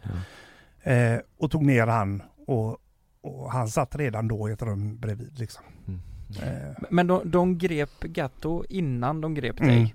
Hade de, kan det vara det som varit lite anledningen också? Att de, mm. nu är Gatto här, nu nu är det något lurt på gång liksom? Ja. Att, Det är så här, och det här är ju någonting jag aldrig har berättat någonstans. Men jag fick faktiskt ett, ett brev från en kille som sitter på Hall. Eh, sitter på Hall. ja, det låter ju så pinsamt. Nu kommer han här med massa kriminella kompisar. Vad, vad är Hall? I fängelse i Sverige. Jaha okej. Ja. Eh, och han skrev till mig att han hade fått reda på att eh, killarna här i Sverige hade satt dit mig och även han då. Jaha.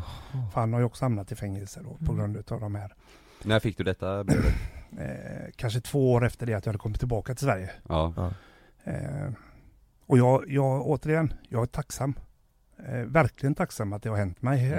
Eh, för jag tror ju inte jag hade överlevt. Hade jag kommit igenom tullen där i Bolivia så tror Mm. inte jag hade levt idag. Eh, då hade jag kommit hem, fortsatt pundat, försökt igen och det hade slutat med något Mm. eh, illa. Mm. Så ja, jag är jävligt tacksam Mm. att det Mm. blev så. Eh, då var jag väl inte det kanske när jag satt där i den källaren. Då tyckte man ju att allt var skit liksom. Såklart. mm. Mm. Men eh, Men då skrev han i det här brevet att det var att de har satt killarna, ja. Att. För man vill ju tro att svensk polis är, är helt liksom clean och det finns inget problem med svensk polis. Mm. Men men jag är ganska säker på att det finns de poliserna som samarbetar även med kriminella i detta landet. Mm. Eh, kommer säkert bli massa poliser som blir förbannade om man säger så. Men jag vet, det finns ganska tydliga bevis på att det är så i min historia. Och, och, men det kan vi komma till lite Mm, senare. mm. Mm. Men, men jag tänker ju Gatto, Mm. var det han som sa det är en, en större blond vit kille som är här Det är han som har knäcket, Exakt. var det han som satte dit dig tror du? Nej, Jag tror inte det. Nej. Jag tror inte det. Nej. Utan jag tror att eh, anledningen till att det var amerikansk polis där är att det har kommit från svensk sida. Jag tror Mm. att det här är...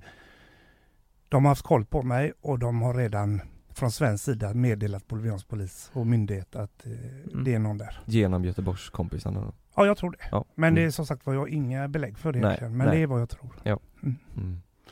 Eh, Och de börjar ju föra mig där. Och de börjar fråga mig, vem är det som, som är här? Och de frågar mig också, vem är det som ska ta emot det i Göteborg? Och jag hittar på världens historia att jag skulle lämna över det här till någon kille på, på centralstationen när jag kom tillbaka. Och hade inte riktigt koll på namn och, och Mm. jag hade blivit hotad och så vidare. Eh, De slog mig aldrig där på den här eh, källaren på den här flygplatsen utan eh, förde mig ganska lugnt och sen då till en bil. Och så körde de mig från flygplatsen ner till narkotikahäktet där i, i La Paz då. Som jag trodde var själva fängelset liksom. Mm. För jag hade inte koll på det här med häkte och, och hur det funkade. Utan eh, jag kom till ett ställe och de skar av mig mina skosnören, skärp och så de här snoddarna med en lyftröja. Mm. Allt som jag kunde använda mig av för att ta livet av mig. Mm. Mm. Eh, sen så öppnade de en dörr, en jäkla plåtdörr och jag fick gå in i den här cellen då som eh, ja, totalt supervidrig. Eh, två meter lång, 1,40 bred, eh, bara kartonger på golvet. Eh, och på de här kartongerna sitter det två killar. Och jag går, vet jag går in och sätter mig där och de drar igen den här eh, ståldörren och det blir liksom natt. Det finns inget ljus i den här cellen. Åh herrejävlar Och jag vet jag satte mig på röva där och, och tänkte, ja, då började tanken.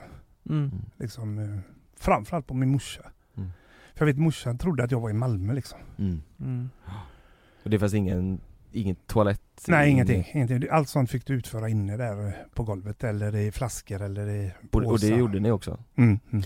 Vad var det för killar eh, du satt med liksom? Eh, ja, de pratar ju bara spanska. Mm. Men den, Jag minns så väl, det var en utav dem som var helt hysterisk. Han Mm. bara, han bara skrek, bad hela tiden. Och gapade och lipa och, och bad och skrek och ah. Och jag vet inte vad han bad om. Eh, för jag har ingen alls koll på vad han sa. Mm. Eh, Men ni, ni såg inte varandra där inne? Nej, I, nej. Man bara hörde varandra? Man hörde varandra och att de fanns där inne liksom. Kände man på varandra? Ja, man satt så pass, satt, satt så pass trångt så man, man var ju på varandra hela tiden liksom. Mm. Ja. Eh, och där är väl mitt, eh, min största styrka som kommer där. Jag, jag vet att jag sov nog åtta timmar första natten där inne. Mm. Jag kan allt, jag har alltid lyckats lugna ner mig själv liksom. Mm. Och det har jag nog överlevt mycket på. För jag vet att jag la mig på rygg där och benen upp mot väggen och så söv jag. Mm. Och jag fattar inte än idag hur fan jag kunde slappna av liksom. Nej. Men jag har alltid kunnat lura mig själv liksom och, och sova. Mm. jättebra ju. Fly liksom. Ja. Mm. Ja, sova då kan ingenting hända med liksom. Nej. Men där inne var det så man sket och pissade på golvet eller? Ja, eller ja, plastpåsar sket man i och så Ja. pissa i flaskor. Ja, Eller petflaskor. Eh, lukta gott där inne. nej, ingen jä- vidare matlös kan man säga. Nej. Ja, Jag fick, fick- fick ni mat där? Nej, nej. Ingen dricka eller någonting? Nej. Men de, de förväntar ju sig att anhöriga ska komma till häktet och ta hand om sina, men jag har ju inga anhöriga där. Liksom. Nej. Eh, och konsulatet var stängt, det var helg. Eh, så det kom ingen därifrån heller, jag hade ingen tolk eller... Eh, utan jag blev utdragen därifrån hela tiden på olika förhör. Mm. Och jag vet att jag pra- försökte liksom på engelska till de som kunde engelska förklara att det är en svensk polis. En som pratar svenska och jag det här försökte jag hela vägen, eh, hela tiden. Mm. För när jag var på liksom första för- häktningsförhandlingen uppe på domstolen, då var den här polisen i området. För jag vet att jag såg han i närheten av domstolen. Mm. Och jag började gapa och skrika och peka, liksom där är han. Mm. Men det var ingen som reagerade. Man hade ju fortsatt tro att det fanns lite vilja som polis att göra rätt liksom. Mm. Men i Bolivia finns det ingenting. Nej.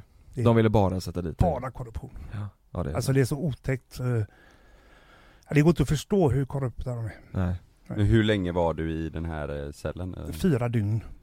Jag satt fyra dagar där för att sen bli då fångförflyttad ner till San Pedro-fängelset. Det fungerar precis som ett häkte. Allting, alla åker till San Pedro. Eh, Ja. Det är inte som i Sverige alls, att man, har, man sitter i ett häkte fram tills du fått en dom och sen då avtjäna på ett fängelse. Utan de kör alla dit ner. Utan jag var egentligen bara för förhör uppe på narkotikahäktet då. Mm. Var ni alla, de andra två killarna som satt i samma lilla rum, var ni där lika länge eller? Ja, jag tror de lämnade, en utav dem lämnade före och en efter. Ja, okej. Eh, Mm. Och det är lite beroende på vad man har gjort och de använder säkert häkten också till att skrämma folk. Ja, Sätta det. där, hota med San Pedro och så Ja. få loss pengar. Ja. Mm. Man vill inte, det är svårt att förklara hur korrupt det är. För man kan, inte, man kan nästan inte tro det. Mm. Eh, De gör allt för pengar. Mm. Mm. Men eh, fortsatte rättegången när du väl kom till fängelset då? Eller Nej. var det färdigt? eh? Åtta månader fick jag vänta tills jag blev dömd. Okej.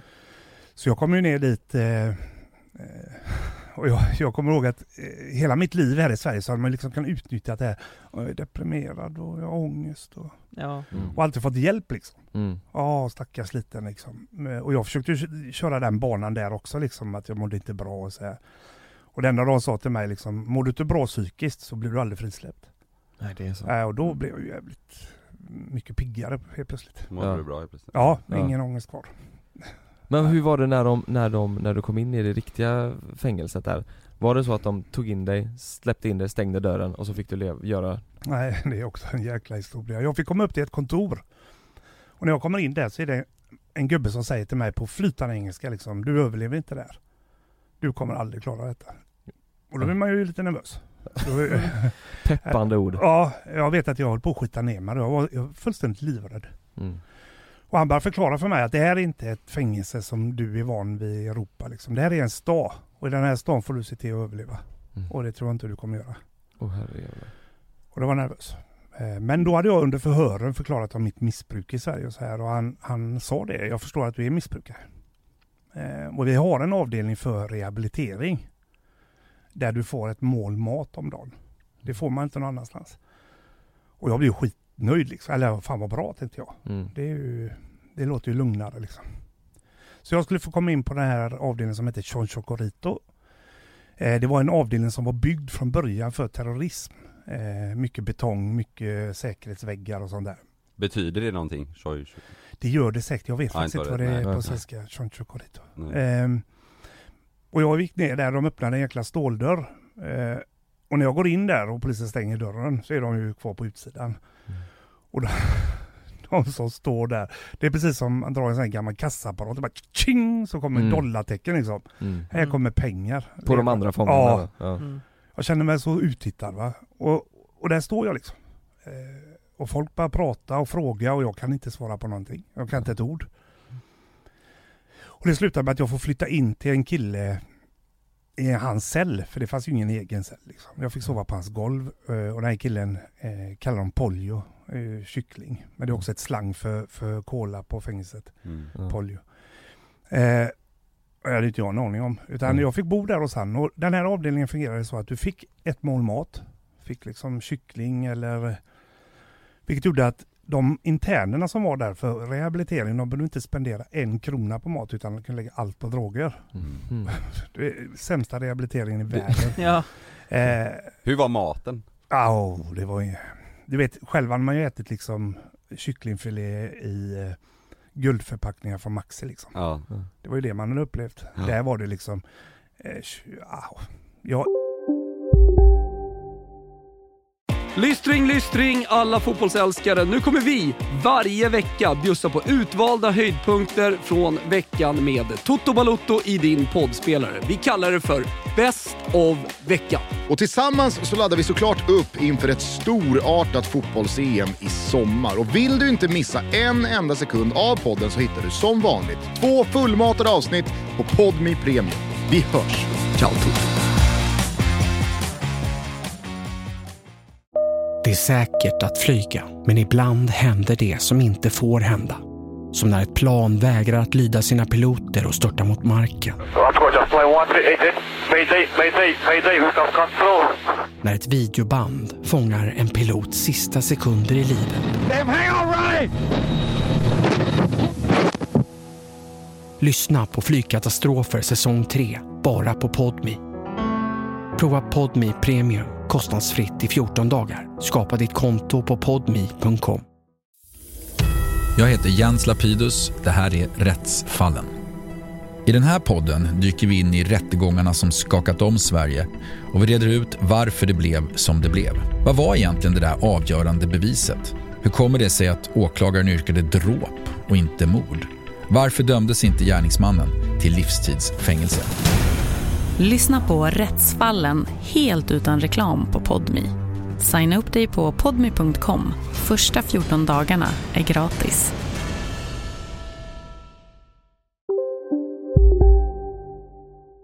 idag äter jag ju allt på en kyckling. Ja. Nacke, fötter, ben, allt. Ja. Eh, Men det gjorde man ju inte innan. Så, men det är ju bara att äta. Det är ju inget. Men fick du liksom, fick man en tallrik eller en bricka Nej, det, eller? de kommer med en jättestor kastrull, bara blandat allt. Och så får Mm. du skyffla upp. Ja de la i, den var i hela, du, det var så, du fick käka ben och allting Allt, där. allt. Eh, De slängde i hela kycklingen liksom? Ja, ja, de är ju styckade men Ja. det är ju allt med. Ja. Eh, Det är ju liksom naglar på, eller klor Ja. liksom. Oj. Och, och, och du var tvungen att käka allt för att Mm. bli mätt liksom? Ja, annars, ja, annars Ja. överlevde jag inte. Gick man fram med ett led då liksom? Ja, eh, precis. Jag, jag tänker när du kom in i det här, det- det första, Mm. hur tänkte du? då? Var det så här: okej nu måste jag agera tuff och, och så att de får lite respekt eller? Nej. Du kom in där och, Ja, jag var nog väldigt eh, snäll tror jag. ja, Eh, försökte inte vara, och det tror jag jag har överlevt på. ja, Att jag inte är tuff. nej, För jag är inte det. nej, Eh, jäkligt... Eh, s- jag har aldrig försökt liksom vara kaxig mot någon där eller försökt Nej. vara tuff. Eh, utan jag är- bara var där. Ja. Eh, och jag fick lägga min klocka i pant för att få bo hos den här Polio. Mhm. Jag hade någon sån här dieselklocka från Sverige och Mm. den tog han. Mm. Eh, och så fick jag sova där. Kom, var det han som kom fram till dig och började prata? Ja, men det, och det är återigen bara pengar det handlar om. Ja. Mm. Man tänker ju, åh vad schysst han hjälper mig, men det är, det är pengar. Var ni jämngamla typ eller? Han var nog äldre än mig. Ja. Kanske var i 40-årsåldern då. Nu är jag ju 45 idag, men då var jag 27. Ja, men Eh, rent generellt, var du ung inne på fängelset eller var det, var det blandat? Nej, det finns eh, väldigt blandat. Ja. Eh, Den yngsta jag träffat är 16. Mm. Men jag tänker det du sa med droger inne i fängelset. Att Mm. de fick mat så de hade pengar att spendera på droger. Ja. Var, men var det så att man tog det bara in i cellerna och... Eh, Vart fick de liksom- det ifrån? Ja. Den här avdelningen som Chocolito, där handlar de med, med strumpor. Strumpor med en liten sten i, stoppar pengar och så skickar de över det över muren till en annan avdelning. Mm. Jaha. Så på kvällen då så kom du, och ja det var som narkotikahandel. Man kastar en strumpa då? Ja, över till nästa avdelning och så packar de en ny strumpa och så kommer den tillbaka då. Åh oh, jävlar. Ja det är, ja, snacka om att det flyger bollar Som alltså. brevduvor fast Ja. strumpor liksom? Exakt. Brevstrumpor. Exakt, brev, brevstrumpor. ja. Men Var det någonting du, jag menar du, är, du hade ändå varit missbrukare Mm. eller? Du hade varit fri en månad från det. Var, var det någonting du kände att du behövde där inne? Ja, jo, jo, hade inte det varit så att det var en major där Mm. som eh, mer eller mindre trakasserade mig så Mm. kanske jag hade åkt dit och tagit. Det är inte alls möjligt. Men han kom till mig varje dag och sa till mig spotta på golvet. Okej. Eh, Varför ville han att du skulle göra det? Tar du centralstimulerande kokain eller amfetamin så har du ingen eh, salivproduktion. Mm. Och då kan du liksom inte, det du får ur där det är liksom lite vitt skum. Du går inte att spotta liksom. Mm. Så han kom till mig varje dag och frågade och jag var ju livrädd. Mm. Så jag vågade ju inte ta något. Som tur är. Blev du slagen eller fysiskt? Nej, Eller? nej. Men det var ju bra att han gjorde så. Ja, Ja, det var skitbra. Ja. Hade han inte gjort så så hade jag antagligen tagit droger. Ja. Ja, men jag tänkte de andra som inte kunde spotta då? Vad hände med dem? Ingenting. Nej. De är så medvetna om att de pundar. De Ja. gjorde så sen att de sätter på ett, ett ehm, fint nät över taket. Mm. Mm. Så hela den avdelningen ser ut som en fågelbur liksom. Mm. Mm. Men det rev de ju bort ganska fort. Men var det liksom, var det skjul där inne eller så här små, eller var det? Små, små celler med Ja. plåtdörrar. Eh, och man blir inlåst varje kväll klockan 11. Okej, så det var öppet alltså under bar himmel eh, Mm. om man säger? Ja. Eh, och i de här skjulen då så bodde vi, eh, för det är den enda avdelningen man blir inlåst. Resten är du fri att röra dig hur du vill liksom. Mm. Och jag blir inlåst där i den här jävla cellen med det här gatto. Mm. Och cellen är ungefär lika stort som vi sitter nu. Mm. Och så är det en betongbrits och så är det min plats då på golvet. Och jag kunde ligga med mina ben in under hans säng liksom. Och där sov jag. Mm. Eh, försökte sova ska jag säga, för han satt och rökte base. Det är liksom som eh, eh, kristalliserar, eller det är det kokainet innan det har nått sin reningsprocess. Mhm. Så lägger, gör de piper och så röker de, eller freebasar de det. Och han rökte sånt oavbrutet på nätterna. Är det sån riktig pundar eh, Ja, drog, ja, eller? och du vet han satt och bet sig själv. Han blödde ur munnen Mm. och satt och blängde på mig med ett järnrör i knät. Och, du vet, så, och jag låg där och så, nu ska vi sova. Är det många i Sverige som tar eh, det här också? Nej, eller finns inte i Sverige. Det finns inte? Nej. Eh, I Sverige så, så kristalliserar ju de eh, crack. Ja. Ja, ko- kristalliserat det. kokain. Och. Mm. Åh, Sverige säger jag, jag tror inte att man kör det jättemycket i Sverige heller. Men det, det slog ut den mörka befolkningen i, i, Mm. I USA. Och, och Meta har ju tagit eh, den vita befolkningen. Ja. Mm. Han blängde på dig med ett järnrör. Jajamän. Men Han kunde satt- du sova då eller vad Nej, fan det är ju... Nej. Ännu värre är, för vi hade inga toaletter på rummen. Nej. Och inlåsta då vid elva. Och jag, en natt då, och man käkar ju där, dricker vatten. Våra magar är inte liksom beredda på det liksom. Nej. Eh, och jag blev så här, jag var tvungen att skita. Jag, jag måste skita. Och då, då sov han. Så han är gatt, eller eh, Polio ligger där och sover och jag, om jag sätter mig här med den här apparaten här. Eh, en meter från, ja inte en meter ens, 40 centimeter från hans ansikte har jag mitt ansikte och sitter och bajsar i en plastpåse. och jag tänkte för mig själv, om han slår upp ögonen nu, Ja. vad fan händer då? Ja. Och så fick man liksom knyta en knut på den pösen och hänga den ut genom gallerfönstret liksom. Och, det- men, det var, och det var så det var liksom. Ja det var så det var. Och sen på morgonen då får du ta din skit och slänga någonstans. Men han vaknade aldrig när du satt Nej, där? tack och lov. Men det, för du vet så här, det där är ju min, min värsta mardröm, det är ju att sitta i fängelse och då är det liksom ett svenskt fängelse jag har tänkt på. Hur fan skulle det gå med min mage? Jag hade ju skitit ner mig totalt överallt i den här jävla cellen. Det Ja, det- du vet med den kycklingen som man käkar Ja, där. fyra år maginfluensa har jag haft liksom. Aldrig normalt toabesök. Liksom. Nej det var så? Ja, alltid sjuk. Men vadå, herregud. det där att du sket, om, om han hade vaknat, tänkte du då att han kanske hade blivit förbannad för att du Nej, sket i hans? Jag menar du måste ju skita liksom. Ja, ja, jag, jag trodde ju mer den här jobbiga sitsen liksom, sitta där och blänga på han. Ja. Ja. Eller om han nu vaknar, vad fan ska jag säga liksom? Eh, Han har erbjudit hallå? en cell och det första du gör det är att sitta och skita. Han vaknar och det enda du kan säga är una cerveza. Ja, just det. Precis så, precis så. Men ganska fort, det tog nog bara en vecka eller något, så började folk skicka över talespersoner liksom som kunde engelska och, och försökte ragga upp mig så att jag skulle bli del av deras avdelning. För de trodde du hade pengar? Ja, Det är bara det det. Och då är, var det framförallt då den här Carmelo Dominguez, eh, en stor kokainkung på 80-talet. Ja. Som skickade sina jäkla pojkar och, och sa liksom för 100 dollar så får du bo på min avdelning. Liksom. Vad, vad, hur mycket betalar du, skulle du betala för eh, Pojos? Eh, Cell? klockan. Eh, och det var inga pengar, nej, det var den nej, liksom. ja, Ja. han trodde nog den var mer värd än vad den var. Tror jag. Ja. Mm. Eh, men jag kunde inte tacka ja till de här erbjudandena till den här avdelningen för, för jag hade inga pengar. Jag hade inte en krona. Eh, Trodde de att du bluffade då eller? När... Ja, det slutade med till och med att han blev så förbannad så de skickade mig till isoleringen polisen. Ja. Det, det är så, så en av fångarna sa det, du vet du vad? Skicka den jävla killen. Ja, ja, precis så Och så betalar de lite pengar till polisen. Ja, de äger polisen. Eh, och det är då jag, jag brukar säga så här att hade det inte varit för Daisy så hade inte jag levt idag. Eh, och då tänker man jävla klyscha liksom. Mm. Då säger ju alla, och vore det inte för min kärlek så hade jag ju inte levt. Men i mitt fall så är det verkligen så. Mm. Mm. För då den, nu går jag lite händelserna i förväg, men när de skickade mig till den här isoleringen då var det för att de skulle döda mig där. De Mm. skulle slå ihjäl mig, de som satt på isoleringen. Eh, och jag kommer in där och direkt då så försöker de släpa mig in i isoleringen liksom i bakgrunden så de kan slå ihjäl mig utan att polisen tittar på. Mm. Skrek du och så då eller? Ja, bara- jag gapade och skrek. Höll, försökte hålla fast mig i gallerdörren liksom. Och de bara drog i dig? Ja, eh, och precis då så kommer Daisy. Oj. Och hade det inte Mm. varit för att Daisy dök upp där så hade de slått ihjäl mig. Och hon kom in i rummet eller? Hon kom till fängelset för att besöka mig då. Men Ja. nu går jag som sagt för händelserna förväg. Men, eh, och hon springer direkt upp till majoren och ifrågasätter då varför är Jonas i isoleringen? Och då Ja för hon fick reda på det? Mm. Ja. Och hon såg mig hänga. Ja, Hon såg dig? Ja. Ja. Eh, och de tog ut mig ändå. För det fanns ju ingen anledning. Det var för Nej. att jag inte ville betala pengar liksom. Mm. Så Och du inte hade ut. några pengar? Ja. Det är helt sjukt. Ja, det är helt galet. Eh, så mycket tack vare Daisy. Men jag, jag tänker med eh, fängelset och med allting, hur är hur är stämningen där på dagarna? Hur, är, hur, hur luktar det? Alltså jag tänker det var öppet tak, om Mm. det regnar, vad fan händer då? Alltså du vet, vad, hur, hur var stämningen en vanlig dag på det här fängelset? Hur ser den ut? Eh, Mycket fotboll. Ja. Jag spelar mycket fotboll om det är schysst väder. Mm. Regnar det så är det helt dött och försvinner alla. Eh, jag brukar säga att dagtid är det en ganska skön plats. Mm. Eh, händer inte så mycket. Hur många fångar var det? Fängelset är byggt för 400. Eh, när jag gick in i de grindarna var det 1500. Så det är ju hysteriskt överbefolkat. Sen så bygger de själva inne.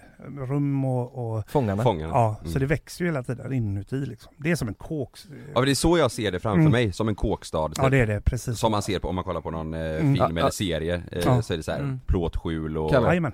dra jämförelsen med den serien du sa Ja, jag kommer inte ihåg vad den eh, heter Det finns en serie på, på, Netflix, Netflix, ja, en ny som handlar om ett eh, latinamerikanskt fängelse Okej. Det är Där det är en egen tänker. liten eh, stad och by Mm. och så är det liksom en, en ledare där inne som är, ja han har typ en riktigt sjuk lägenhet med Ja men det är precis så. Ja. Mm. Precis så. Ja. Du vet inte vad det heter? Eh, jag kan kolla det ganska Ja. snabbt Ja, För och, och då är det exakt så att då, då är det en person som äger en liten kiosk där liksom Som folk Oj. kan gå in och köpa eh, läsk och porrtidningar liksom I en av fångarna? Ja ja, ja, ja. Ja, Och, men det, det här är precis som där. Ja, och herrejävlar, och det är lite plåtskjul och det är någon som sitter och tatuerar, han har gjort en egen tatueringsshop där inne, Mm. Gjort- byggt- byggt en egen Ja, men så, det är tatueringsmaskin exakt så här. Vi, har- det är flera restauranger på min avdelning. Du kan, eh, ja ja, Coca-Cola re- gör reklam där inne. Nej men, Jo, jo, men, nej nej nej.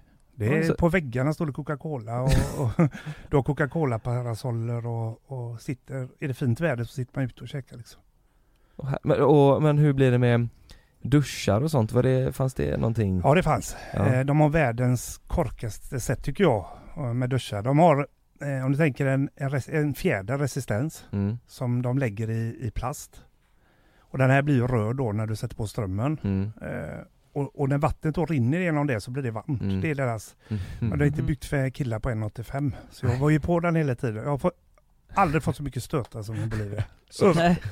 Orecluso heter den, eh, jag tror den heter något annat på, eh, på engelska Men det, Ja. det är ett mexikanskt fängelse i alla fall för er som Okej. eh, undrar Men Ja. då låter det som att det i alla fall ja det är precis Så- så. ja. Precis så. Ja. Det finns, du kan köpa allt där inne. ja. Och du, allting handlar ju bara om pengar. Jag menar det, den dyraste cellen gick lös för 32 000 dollar. Eh, I, I, per år? Nej, de köpte den för Ja, 32 de köpte 000. den, ja, Ja. ja. Och då får man tänka på att en medelinkomst är 100 dollar i månaden ungefär. Men var det liksom mäklare där inne eller var det? Ja, ja, Eller det hur fun- sitter uppsatt lappar liksom. Ja, Eh, Zelda Inventa, eh, sälj till salu, innehåll, kylskåp. Eh, Ta kontakt med mig, ja, eller? Ja. Och så har de till och med liksom referens, eh, inte HSB i det här fallet, utan Nej, det nej, är nej. någon, någon eh, högsta fången på, på den avdelningen eller Men det är högsta fången som äger den cellen, som, som säljer den. Alla kan se, jag, Ja. jag har ägt en cell där. Eh, jag, jag sålde den aldrig, men eh, Jo men jag menar det, men, men typ jag tänker fängelsedirektören och de där liksom, måste de typ eh, vara med på ett hörn där också, eller tjänar de pengar på det? Mm, också? Det finns de som, eh, som drar in pengar och det är ofta, Ja. det är lite så som hände mig där att den här Carmelo Dominguez säger till majoren, för han hit så, så får du 50% av vad jag tjänar. Mm. Eh, så de gör ju business med polisen hela tiden. Hur var din cell? Den du köpte? Där jag köpte till slut då, där, då har jag varit där nästan två år. Ja. Eh, så köpte jag en cell som var två våningar. Och bottenvåningen hade jag kök och toalett, dusch. Ja, och då så, var det liksom lägenhet du köpte Ja, där? ja. Mm. Eh, övervåningen hade jag sovrum och så då. Och, och den var liksom byggd som en bra, alltså det, det var, Eh, helt, eh, inte lika fint som era kontor. Nej. Men helt okej alltså. Men det var inte plåtskjul liksom nej, nej. så? Eh, betongväggar och... Och där, där bodde du själv? Mm. Hur- Och, eller med Daisy då. Daisy bodde ju nio månader med mig heltid. Hur stort var det typ? Ja, Eh, köket var ungefär som detta rummet vi sitter i. Jag vet inte hur stort detta kan vara. typ 10 kvadrat Ja, kanske? och så hade jag en eh, skjutdörr in till toalett och dusch. Eh, från köket då. Eh, och det var lite häftigt för när man släckte lampan in på toaletten där så kunde man se puttesmå skorpioner som kröp i murbruket liksom. Oj. Och jag fattade ju inte att det där kunde vara farligt. Så jag satt ju liksom och plopp. För de är självlysande när man släcker ljuset. Jaha. Jag hade inte en aning om. Skorpioner alltså? Ja, puttesmå var de. Oj, Och jag satt och den petade på dem. Men jag kunde vara giftig som fan. Och då som, som är på typ ett akvarium med fiskar så här när man slår? Eller vad? Ja, de kröp inne i murbruket, Ja, i, ja. i muren liksom. Ja, du petade på dem alltså? Ja, ja. Jag, jag fattade inte att det, vad det var farligt. Nej. Jag tror, Då hade ju folk dött om det Ja. var farligt. Ja. Blev du eh, respekterad ganska fort eh, i fängelset eller var du liksom, var, vis- visste folk vem du var eller blev det som att du bara smög runt där för att du inte ville dra åt uppmärksamhet? Eller visste folk vem du De visste var? vem jag var. Eh, det var så jag fick smeknamnet Choco. Eh, Ja. El Choco, det är, är blond. Alla vi, Mm. ja till och med du. Ja. Eh, till och med Lukas heter Ja. du Mm. Ja. Mm. Hade varit Choco där. Ja. Det är, mina barn kallas Choquita och, och Chiquito. Jaha. Just att de är ljusa i hyn. De är inte Ja, jätteljusa i övrigt liksom. Var Men- du ensam vit inne på... Eh... Nej, vi var en del. Ja. Eh, på min avdelning satt det en engelsman, en, frans, en fransman. Mm. Ja, det var nog vi som var vita. Mm. Och satt, satt de inne för samma, skulle de också eh, hämta Ja, droger? alla, alla invandrare om man säger på Ja. fängelset är där för eh, Milocho kallas, eh, 1008 kallas lagen man sitter för. Ja. Mm. Eh, men sättet jag fick respekt skulle jag vilja säga att det är att jag inte försökte vara eh, skapa respekt. Jag, Nej. jag hade respekt, jag respekterar alla människor och, och Mm. eh, sågs nog inte som det hotet så, som försökte ställa till det. Sen så hade jag ju mina sätt att behålla att inte bli hackkyckling för det, det får man inte bli där för då dör man. Mm. Det gäller att inte liksom bli utstött eller eh, att folk börjar jävlas med dig. Hur gjorde du då? då? Eh, jag brukar besöka dem på nätterna. Då var de inte alls så tuffa som de var nere på gården. Mm. Eh, Ja, i- ja, besöker de alltså i... Jag gick in i deras celler på nätterna och, och då låg de där i kalsongerna liksom. Då är Ja. de inte alls så fräcka som de var när de var... Men vad, varför gjorde, vad, vad, gick du Det, in om någon eh, sa fula saker till mig på Ja, gården ja. eh, gjorde jag ingenting då för då hade de slått ihjäl mig. Ja. Utan då letade jag upp samma person på natten sen då och försökte då skrämma dem så mycket det gick. Mm. Eh, Vad sa du? Om du säger så till mig en gång till så... ja, man fick hota dem jättefult. Men Ja. det, och det, det var ett sätt att överleva för mig. Men Eh, kom de inte tillbaka dagen efter då? Nej, de Nej. blev rädda. Ja, de blev det. Ja. För du var lite större och längre än Ja, än de- mycket ja. större. Men Ja. De, ja, de är mycket mindre. Och du fick liksom gå in där och säga om du gör det här igen så kommer jag döda dig? Ja, mer eller mindre. Ja. Eh, måste försöka. Men på engelska då eller vad? Jag lärde mig spanska ganska fort. Ja. Eh, jag tror ungefär tre månader, fyra månader så började jag ändå prata. Mm. Ett halvår senare så pratade jag nästan flytande tror jag. Jaha. Oj.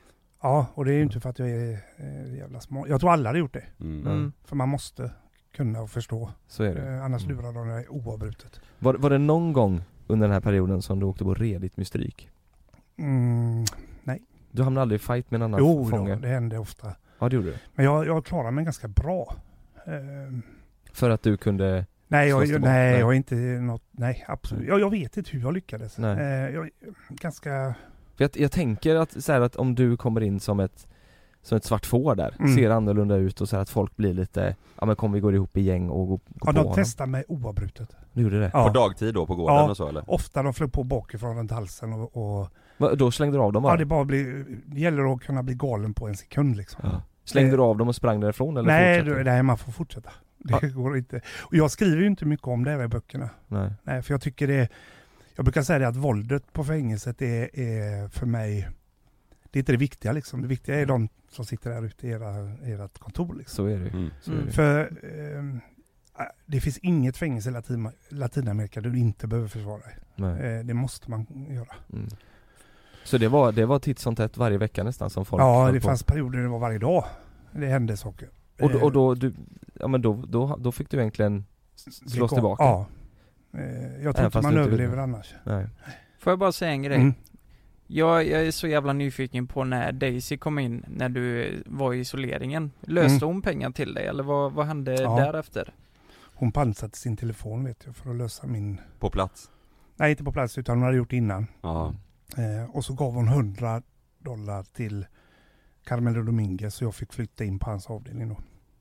Jaha, Eh. du- ville du det? Nej, egentligen inte men Nej. Jag hade inget val. Jag kunde inte... eh, Jag hade Mm. bara blivit skickad till isoleringen igen Mm. och igen tills de hade slått ihjäl mig antagligen. Men, Men- Carmelo, var han, var han, eh, han var mäktig där inne? Ja. man säger. Ja, var han även det på utsidan? Ja, han var jättestor. Ja, han var det? Eh, Ja. Kokainhandlare? Ja. Ja.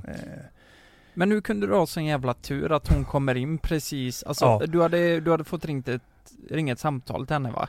Mm. Och be att hon skulle komma. Ja, precis.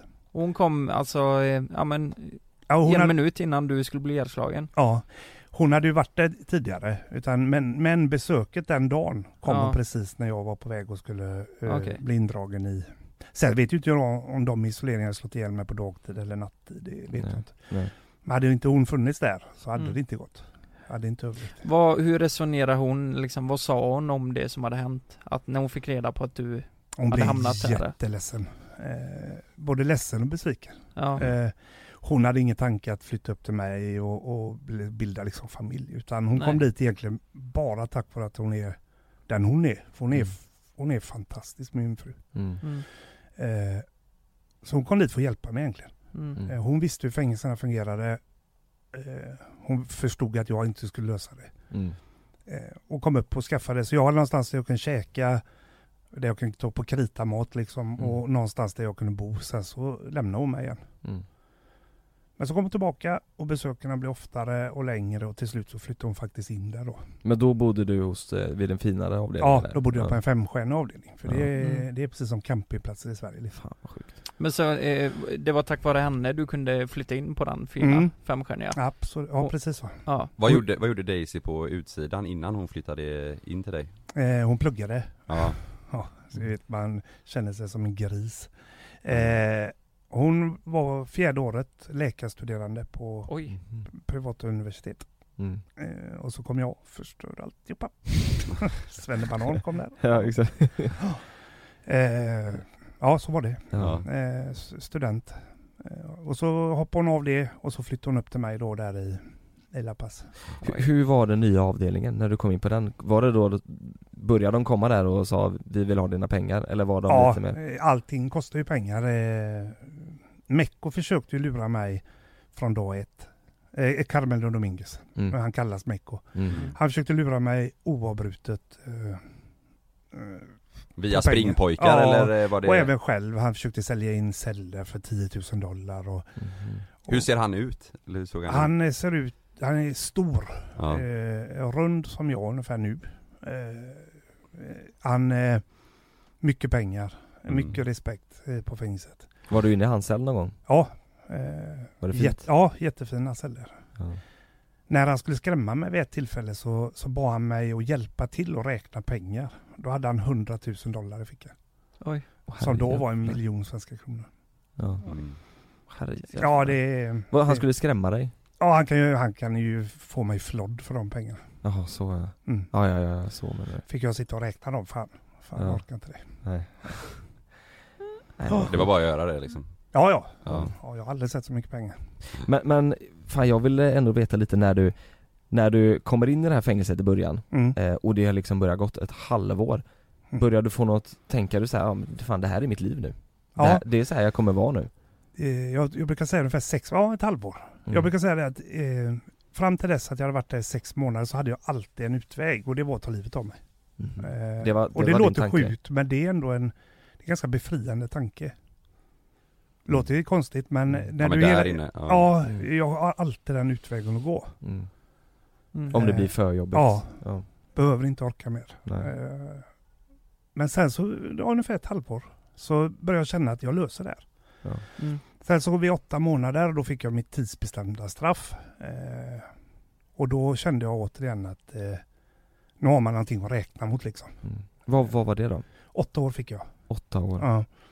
Det, det låter ändå, jag tänker så här, man hör ju i Thailand och så vidare att det är dubbla livstid och hej och hå. Alltså åtta år låter ju inte så farligt ändå.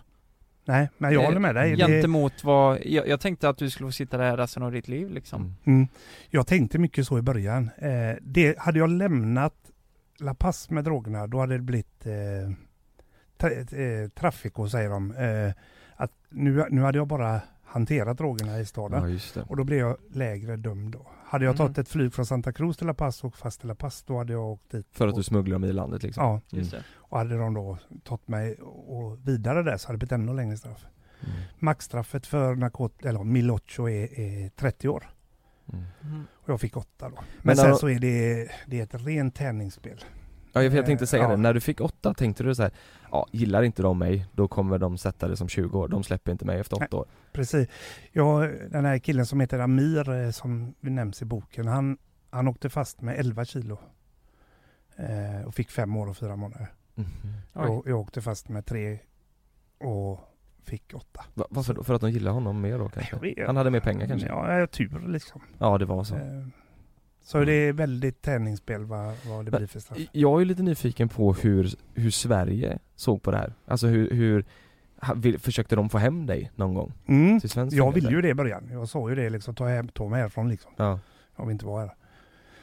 Men, och de påbörjade den processen diplomatiskt. För Sverige och Bolivia har inget utlämningsavtal med varandra. Nej, okej. Så de, det blev en jäkla process. Och ungefär efter två år så blev det här färdigt och jag skulle få rätten att komma hem till svensk fängelse. Mm. Men då tackade jag nej. Vet du, vet du om, Ja. det, om det skrevs mycket i tidningar och media Ingen och så? aning faktiskt. Eh, Men då sa jag nej i alla fall. Ja. För Daisy hade börjat, Ja, jag jag hade ju inte fått ta med henne liksom. nej Stephanie var på gång och hon, hon föddes ju. Och Ah, det ja. var, ja, Ah, ja. ja, jag hade var- inte...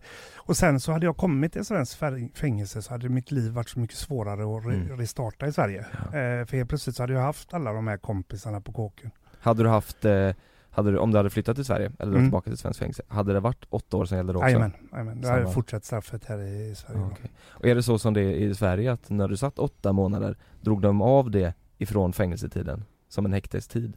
Eller var det, fick du Ja, åtta ja det, det ingick det i, de åtta månaderna ingick i Ja. min, mitt fängelsestraff. Okej, mm. Eh, och sen så är det ju massa konstiga regler på, på fängelserna där. Att har du ett gott uppförande så kan du få rätten till villkorlig frigivning och Mm. jobbar du på fängelset så kan du för varje två dagar så kan du få en dag tidigare frigivning. Du kan få det? Ja, om man då får godkända certifikat då för arbete. Okej Och jag arbetade från dag ett liksom städade våran avdelning. Mm. Eh, eller inte från dag ett, efter när jag hade kommit till Postal då, den här fina avdelningen. Mm. Var det, var det, trivdes du bättre på den fina avdelningen än den andra avdelningen? Ja, det första? gjorde jag. Det Ja, det gjorde gjorde jag absolut. Ja. Eh, Men det är ju, det är ju en sjukt bra deal så här. Eh, man får ett diplom eller certifikat för Ja. det då. ja. Om du, okej men hur, hur, hur påverkar det dig? Ville du jobba hela tiden då? Jag menar, Mm. du kan ju halvera ditt straff här typ. Ja, Eller- jag, jag jobbade så mycket jag gick och gick Ja. så mycket kurser som möjligt. Jag har gått hur man bygger ett akvarium. Ja. Suttit där med kokainkungarna och byggt akvarium och, Oj. och papier-maché-kurs har jag gått. Men sa du typ till Daisy så här maché. på morgonen, jag sticker till jobbet, vi syns i eftermiddag? Eller? Ja, nej detta var bara på morgonen jag var städare. Jag gick upp vid sex och så spolade jag hela gården och tvättade alla toaletter och duschar och Mm. Jaha. jobbade kanske två timmar per dag. Mm. Eh, Men då fick jag ju då samlat ihop tid då. Så eh, jag lämnade ju San Pedro efter tre år och åtta månader. Så jag lyckades jobba ihop fyra månader då, för då tar de ju på timmar liksom. Mm. Jaha, du satt bara i, i tre år och fyra månader? Åtta. Du, Mm. Tre år Du- och åtta månader. Och du fick åtta år från början? Ja. Jaha, du jobbar så mycket alltså? Ja, jag, jag fick halverat straff. Eller jag, jag blev villkorligt frigiven Mm, efter tre år och mm. åtta månader. Shit alltså. Vad, under den här perioden du satt, Mm. vad, är, vad är det sjukaste som har hänt skulle du Oh. säga? Vad är, det, vad är det mest absurda som har hänt som du, som du känner, det här är helt galet? Ehm, Du har ju det- berättat en sjuk eh, händelse i eh, P3 Dokumentär Med så- borrmaskinen. Ja, borrmaskinen. Ja. Och det måste ju vara det absolut värsta rent... Eh, Ja men visuellt måste det ha varit helt ja, jätte... Sen så var det en pedofil som blev mördad som också var jobbigt. Eh, Som du jag, såg? jag är inte, eh, jag är inte för liksom pedofilism, Mm. men det är ändå att se en människa bli mördad så Mm. eh, kallt, det Hur- blir svårt. Hur var det då? Hur gick det till? Han levde kanske i 30 sekunder på fängelset. Det var nog Han, han kom precis... 15-20 personer som högg han samtidigt. Nej, är det Oj, så? oj. Han bara tog några steg in och så De han visste han visste att han skulle dö och, och ville inte gå in. Polisen putte liksom innan. Ja. Eh, Han försökte ta sitt egna liv uppe på, i domstolen innan. Mhm. Han hade spackat sönder en toalett och skar sig med, med skärvor då. Ja. Eh, Men han levde ju inte längre där. Så han hoppade in och du såg det när de hoppade på Ja, honom? ja. Gjorde du någonting? Nej, det, Nej. det går inte. Nej. Det är inte ens det att försöka. Nej. Ja, det är, borrmaskiner, det är ju så absurt så... eh, Såg du när det hände borrmaskinen? Nej, Men eh, det måste ni nog förklara. Jag lyssnade ju på eh, den podden igår, men Mm. jag tror många är jättenyfikna här och Mm. förklara vad... Mm. det var en söndag jag, och det här Ja. minns jag jätteväl. Här, Jag låg och kollade på den här Bridget Jones dagbok på tv. Mm. Eh, och så var det, söndag är ju en besöksdag och då ska det vara tyst. Man får hålla på och göra grejer som förroar sig. Och så var det det här betongljudet, vet man borrar i en lägenhet. Man, eh, man hörde att någon, ja liksom. precis, någon höll på att borra någonstans. Mm. Och jag blev liksom till slut trött på det så jag gick ut och skulle kolla vem det är och liksom, vad, är, vad är det som håller på liksom. Eh, och då är det världens uppståndelse utanför och då är det en man som har fått bes- besök av sin fru och två barn. Barnen har fått sitta kvar på utsidan och frun har gått in i rummet. Och så har det blivit bråk där inne och då har han överfallit henne och så har han börjat borra henne med en borrmaskin. Oj.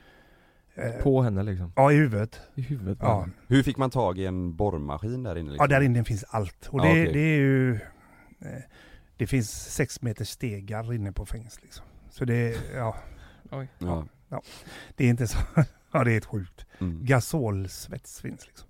Åh, helvete. Man borde ju kunna... Ja, ja. Ja. Eh, han har borrat där, eh, fått panik och ska ta sitt egna liv. Försökt borra sig själv i huvudet. Mm. Men då har den här borrmaskinen bränt.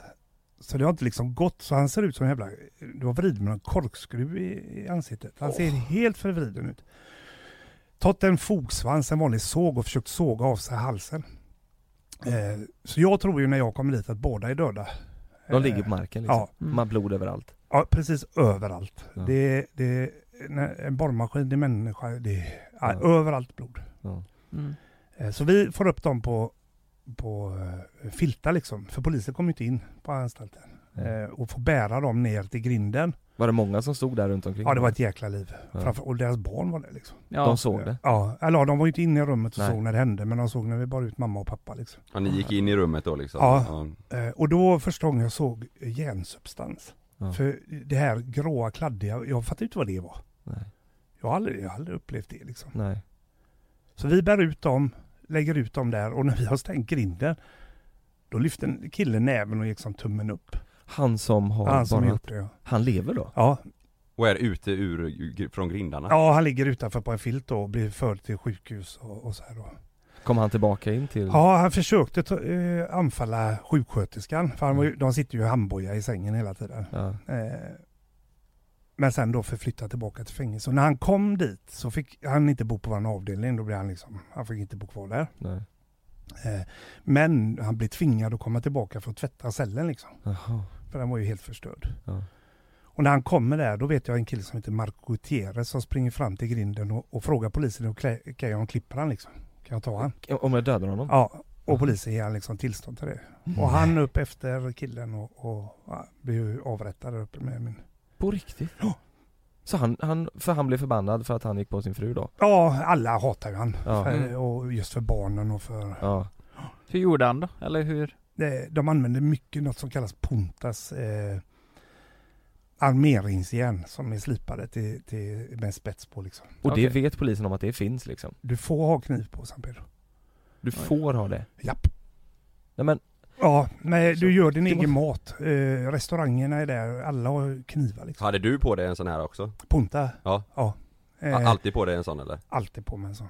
Eh, Fick du använda den någon gång? nej, aldrig. Vart hade man den liksom? Ja, du kan ha i byxlinning eller eh, i Ja. armen på tröjan eller... Mm. Men du behöver inte dölja den för polisen? Nej, nej. Nej. Nej. Sen så är det ju ett uppenbart vapen så det, de, vill de ha pengar så kan de ju ta dig. Ja just det. För du, det är ju det, man får tänka om helt och hållet. De är inte där för att, att straffa dig, de är där för att, att lura dig på pengar. Ja. Mm. Hela tiden. Ja. Hela tiden så har de ögonen på dig. Hittar de dig med mobiltelefon så är det inte det för att de, ja du får inte ringa från fängelset utan De ska tjäna pengar? Ja. Ja. Men slog polisen ihjäl fångar också där nej, inne? Det har var, aldrig, nej. aldrig, slott har jag hört. Ja. Eh, Men aldrig att de har dödat någon. Eh, Vi hade en som heter Raoul Lulleman som kom från, de rånade banker och, och värdetransporter i Mm. Bolivia och, och jag måste ju säga att det är lite mer macho när de rånar där. För Mm. polis, det är ju, råna en bank i Sverige liksom, det är Mm. Vissepipa och Max Batong liksom. Mm. Du, men där är det liksom, eh, om man går in på en bank i Bolivia så är det, där står polisen med OC och, och hagelbussar. Alltid, Liksom. Mm. Alltid. Tar du upp en mobiltelefon där så, så blir du utslängd. Mhm. Så det, och han och de har hållit på länge och skjutit mycket poliser och så här. Och när de kom till fängelset så, så blev de ordentligt misshandlade Mhm. eh, av polisen. För de hade ju dödat flera poliser. Just det. Mm. Jag vet de band fast han i en stol och putte stolen ner för trappor. Oj. Oj vad han slog sig. Nej men, Ja, sjutton. ja det är också ett sätt. Och de hade inga tånaglar, dragit av alla naglar. Ah. Ja, Ja. Men, men, det var eh, sjuka människor så de var rätt vädrade där. Ja. Ja. Du vet det där, och se det där med borrmaskinen och Mm. se det där med, med han som blev knivhuggen och det där, det var, sånt måste ju sätta sig rätt rejält Ja, jag, tänker jag, ja, jag tycker också det. Men jag känner inte Nej, så. nej.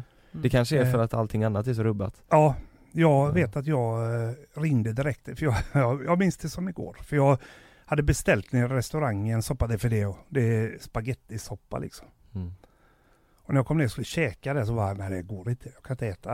Eh, Så då vet jag att jag gick upp och ringde farsa bara för att få, få ventilera liksom. Mm. Få ut sig något. För jag, jag det gick inte... Ja det var sjukt. Du ringde och berättade vad som hade hänt? Och... Ja, mer eller mindre. Inte allt. För då, blir de, då gör jag bara dem ännu mer oroliga. Såklart. Ja. Mm. Men bara få prata med någon liksom. Ja, Mm. Ja, det var jobbigt. ja herregud. Men, men sådär om, om en fånge, jag menar om han inte hade blivit ihjälslagen, han som borrade i sin fru Mm. och levt vidare, alltså förlängs hans straff någonting eller hur funkar det? Jo, det förlängs. Eh, jag vet inte vad ett mord är. Jo, men du kan nog få... Det är inte lika långt som du hade mördat någon på utsidan vet jag. Men Mm. du får ett på, de lägger på straffet liksom. Mm. Okej. Eh, sen hur länge? Nej. Nej. men i alla fall, det är inte så korrupt att de bara nej, blundar för det och bara, nej men Nej, nej, det, inte händer ju tyvärr liksom. också. Mm. Okej. Tittar vi på svenska anstalter, går du på en tung anstalt som Kumla är, så, så beräknar de ungefär två interner per väktare. Mm. Eh, I Bolivia så var de 8-10 poliser på 1500 interner. De Ja. Har ingen koll. Nej. Jävla Och vi interner använder ju dem som springpojkar. Liksom. Jag betalar två kronor till en polis för att springa och köpa en krona bröd. Eh, Så sprang han polisen då? Ja, det? stack han iväg bort till, till bageriet och köpte bröd. Liksom. Mm. ja, det är så konstigt. Ja, det är, det är, äck, det är konstigt korrupt. De, de, på nyår så står mm, kapten i grinden och säljer sprit till internerna. Liksom. Jaha. Har han en öppen bar där liksom, du kan köpa alkohol. Så det, man kan inte ens... Det finns inte... Det är en egen liten stad, liksom. Ja, det finns inga jämförelser med Nej. Europa och, och rättssystem. Hur ofta ha- hade ni fester och så där inne Ja, det är det hela tiden. hela tiden? Oavbrutet. Ja. Och sen så har du det här sjuka med turisterna som kommer och besöker. Eh, Va? Som kommer och tittar? Ja. ja, jag har ju turist, varit turistguide på San Pedro liksom. Nu efteråt? Nej, när jag satt. Ja, ja så Ja. menar du, ja, ja, ja. Han Marcus Lutterman som skrev boken, ja. eh, han var ju där som turist, det var ju så vi träffades. Mhm. Och det är jättekonstigt. ja med sin flickvän va? Ja. Mm. Och det är liksom, då kommer de dit, lämnar pass, eh, allting på utsidan. Polisen öppnar grinden, turisterna går in, polisen stänger och stannar kvar på utsidan. Hur fan vågar de det? Ja, pengar. Nej, jag menar med Ja. hur turisterna vågar det. Ja, det är vissa turister, är- de vågar knappt vara kvar i fem minuter. De Nej. vänder liksom i grinden nästan. Mm.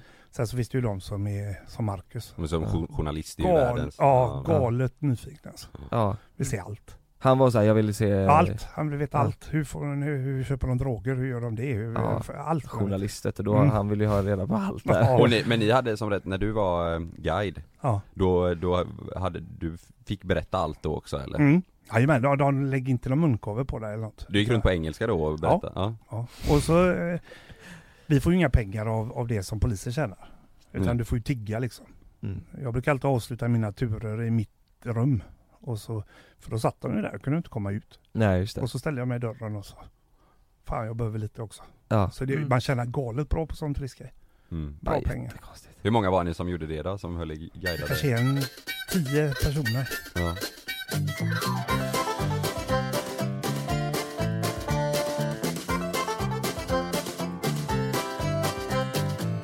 Och när du då träffade journalisten Mm. som kom på en guidad tur eh, Påbörjade ni boken direkt? Nej. Eh, nej, det är efter fängelset? Ja, eller? han ville skriva en artikel. Han jobbade för eh, Svenska Dagbladet. Ja. Ja, eh, och ville skriva en artikel för egentligen påskynda processen eh, med min hemflytt. Så han var där redan rätt tidigt. Ja, Och jag liksom sågar ju hela det bolivianska systemet. ja just det. Eh, men så kommer jag att tänka på det, fan, sitter ju ändå en boliviansk ambassadör i Sverige. Liksom.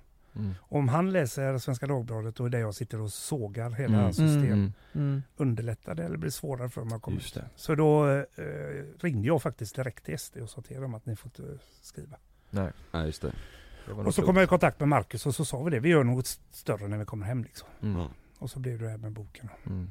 Mm. Ja, coolt. Trodde ju inte den, eh, inte Nordstedt heller. Nordstedt trodde att det kanske kunde sälja 10 000 exemplar. Mm. Hur många sålda är det? Jag tror upp i 300 000. något. Åh herregud! Oj, skojar du? Nej, det är sålt mycket. Ja du hade ju den Kalle sa du? Ja, jag Ja, har den. Jag har den. till och med Ja. du. Ja till och med du ja. ja. Nej det är coolt. Men eh, Daisy eh, kommer in och så bor ni där tillsammans Mm. eh, lite till och från Tills ni kommer hem och sen när ni kommer hem, det är då du får ditt andra barn? Eller? Nej, han eh, också? han blev tillverkad i Bolivia också. Ja det var så? Mm. Eh, Men Jag- född i? född i Bolivia. Född i Bolivia också? Ja, Mm. eh, Sebastian. Mm. Eh, Jag, eh, ja, när min, när min svärmor fick reda på det här då, du vet jag, jag var ju, eller man kan försöka tänka sig in i det själv. Mm. Säg att Stefan kommer och säger att pappa jag har träffat en, eh, en turkisk heroinhandlare liksom. Mm. Nu sitter han på Kumla och jag ska flytta till han. Jag, jag hade ju inte köpt det liksom. Nej. Och jag var ungefär lika populär i hennes familj som, som Mm. de hatade mig tror jag. Mm. Eh, men när vi, efter giftermålet så, så blev jag ganska accepterad i familjen liksom. Mm. Eh, och då blev det helt plötsligt en helt annan relation med, med Daisys familj. De kom på min födelsedag på fängelset så kunde jag ha 19-20 besökare från familj. Det har jag ju inte ens här i Sverige liksom. Mm. Menar, det, mina kusiner kommer inte när jag fyller år här i Sverige. Nej. Det är morsan, Nej. farsan och Ja, kanske någon syrra. Mm. Eh, men där var det liksom världens fest. Det kom folk från, de kunde resa 18 timmar i buss för att liksom fira mig. Oj. Så familjen är ju så viktig där. Ja. Eh, det är fint, jag Mm. älskar Ja, det. det är Det är jäkligt häftigt. Ja. Eh, Sen så är var vi, jag och Daisy var de första på Sankt Peder som gifte sig i kyrkan. Mm. Mm. Eh, Det hade aldrig hänt förut. Alltså historiskt sett, det har Ja, aldrig... det har aldrig hänt förut. Oj. Mm. Fan det är ju häftigt. Det är Ja, det det är är eh, annorlunda bröllop kan jag säga. Ja. Det är, och min, min svärmor ville ju liksom att det skulle vara ett komplett bröllop med kyrkokör och det, Ja. det skulle vara klänning och jag skulle ha sån här smoking. Mm. Om man bara hittar en smoking för 1,85 i Bolivia, det går inte. Den gick liksom till, ja det är så Mm. såg inte klokt. Men var, var Daisys eh, familj och släktingar inne på eh, fängelset och i kyrkan? Jajamän. Eh, Hela så- släkten? Ja, eh, många. Alla Ja. var inte där, men många var där. Och det var liksom, de hade köpt tårtor och... och Ja det är så sjukt alltså. Ja. Tänk, ja, som Mm. jämförelsen du gjorde Ja. med Kumla. Ja. Herregud. Ja jag tycker det är så jävla häftigt. Ja. Jag tycker det är så ballt. Ja, och, och du vet jag, jag hade två bröllopsvittnen och det är ju liksom polarna man tar. Eh, och jag hade ju, kunde inte ringa kompisar i Göteborg och säga fan, utan jag fick ta de två jag kände bäst på kåken liksom. Mm. Det var Amir och, och en som heter Foster från Sydafrika. Ja. Det var mina bröllopsvittnen liksom. så gött. Det var dina bestmans. Ja, Ja. Det är, båda, det är någon svensexa för dig där inne? nej, nej. Nej. Båda, båda två levde under falsk identitet så de signade så gjorde de ju det falskt liksom. Ja. Det är bröllopsvittnen. Det är så gött. Ja, de är sköna. Ja, ja, eh, han, eh, turken som jag brukar säga, eh, eh, Amir, han är den smartaste. Han skulle kunna bli vad som helst liksom. Mm. Mm. Han tjuvkop... Han, han gjorde allt. Ja. Ludde liksom med en spik och, och Mm. eh, gjorde om chippen på telefonkort så han lurade systemen och Mhm. Oj. översmart. Har, har du kontakt med någon ifrån fängelset? Amir har jag faktiskt eh, Ja, det- kontakt med en gång om året. Ja. Födelsedagar och så. Men Han, han har inte varit här i Sverige och hälsat Nej på eller? tack. Nej. Eh, han håller på nu med de här affärerna. Och, Ja, och, okej. eh, Jag har väldigt lite kontakt. Ja, ja, eh, han äger ett internetcafé i, i Peru idag, Lima. Sitter där och, och gör business då. Men nu är det så här att i, idag, Mm. du kan ju inte åka tillbaka till Bolivia. Nej. Varför inte då? Eh, jag brukar säga att jag, jag kan men vill inte. Det, Ja. det är så att jag eh, blev ju dömd till åtta års fängelse. Mm. Villkorligt frigiven efter fyra år. På grund av gott uppförande då, eller tack vare. Mm. Sen så är det rätt intressant för att få gott uppförande, det diplomet på fängelset, så, så behöver du träffa en socialarbetare och en psykolog. Och när du träffar psykologen, då, det finns en psykolog för 1500 interner. Hon har Mhm. tre frågor. Vad är det för dag? Eh, vad är det för år? Röker du? Så har du rätt på de tre så, så har du gott uppförande. Då. Jaha.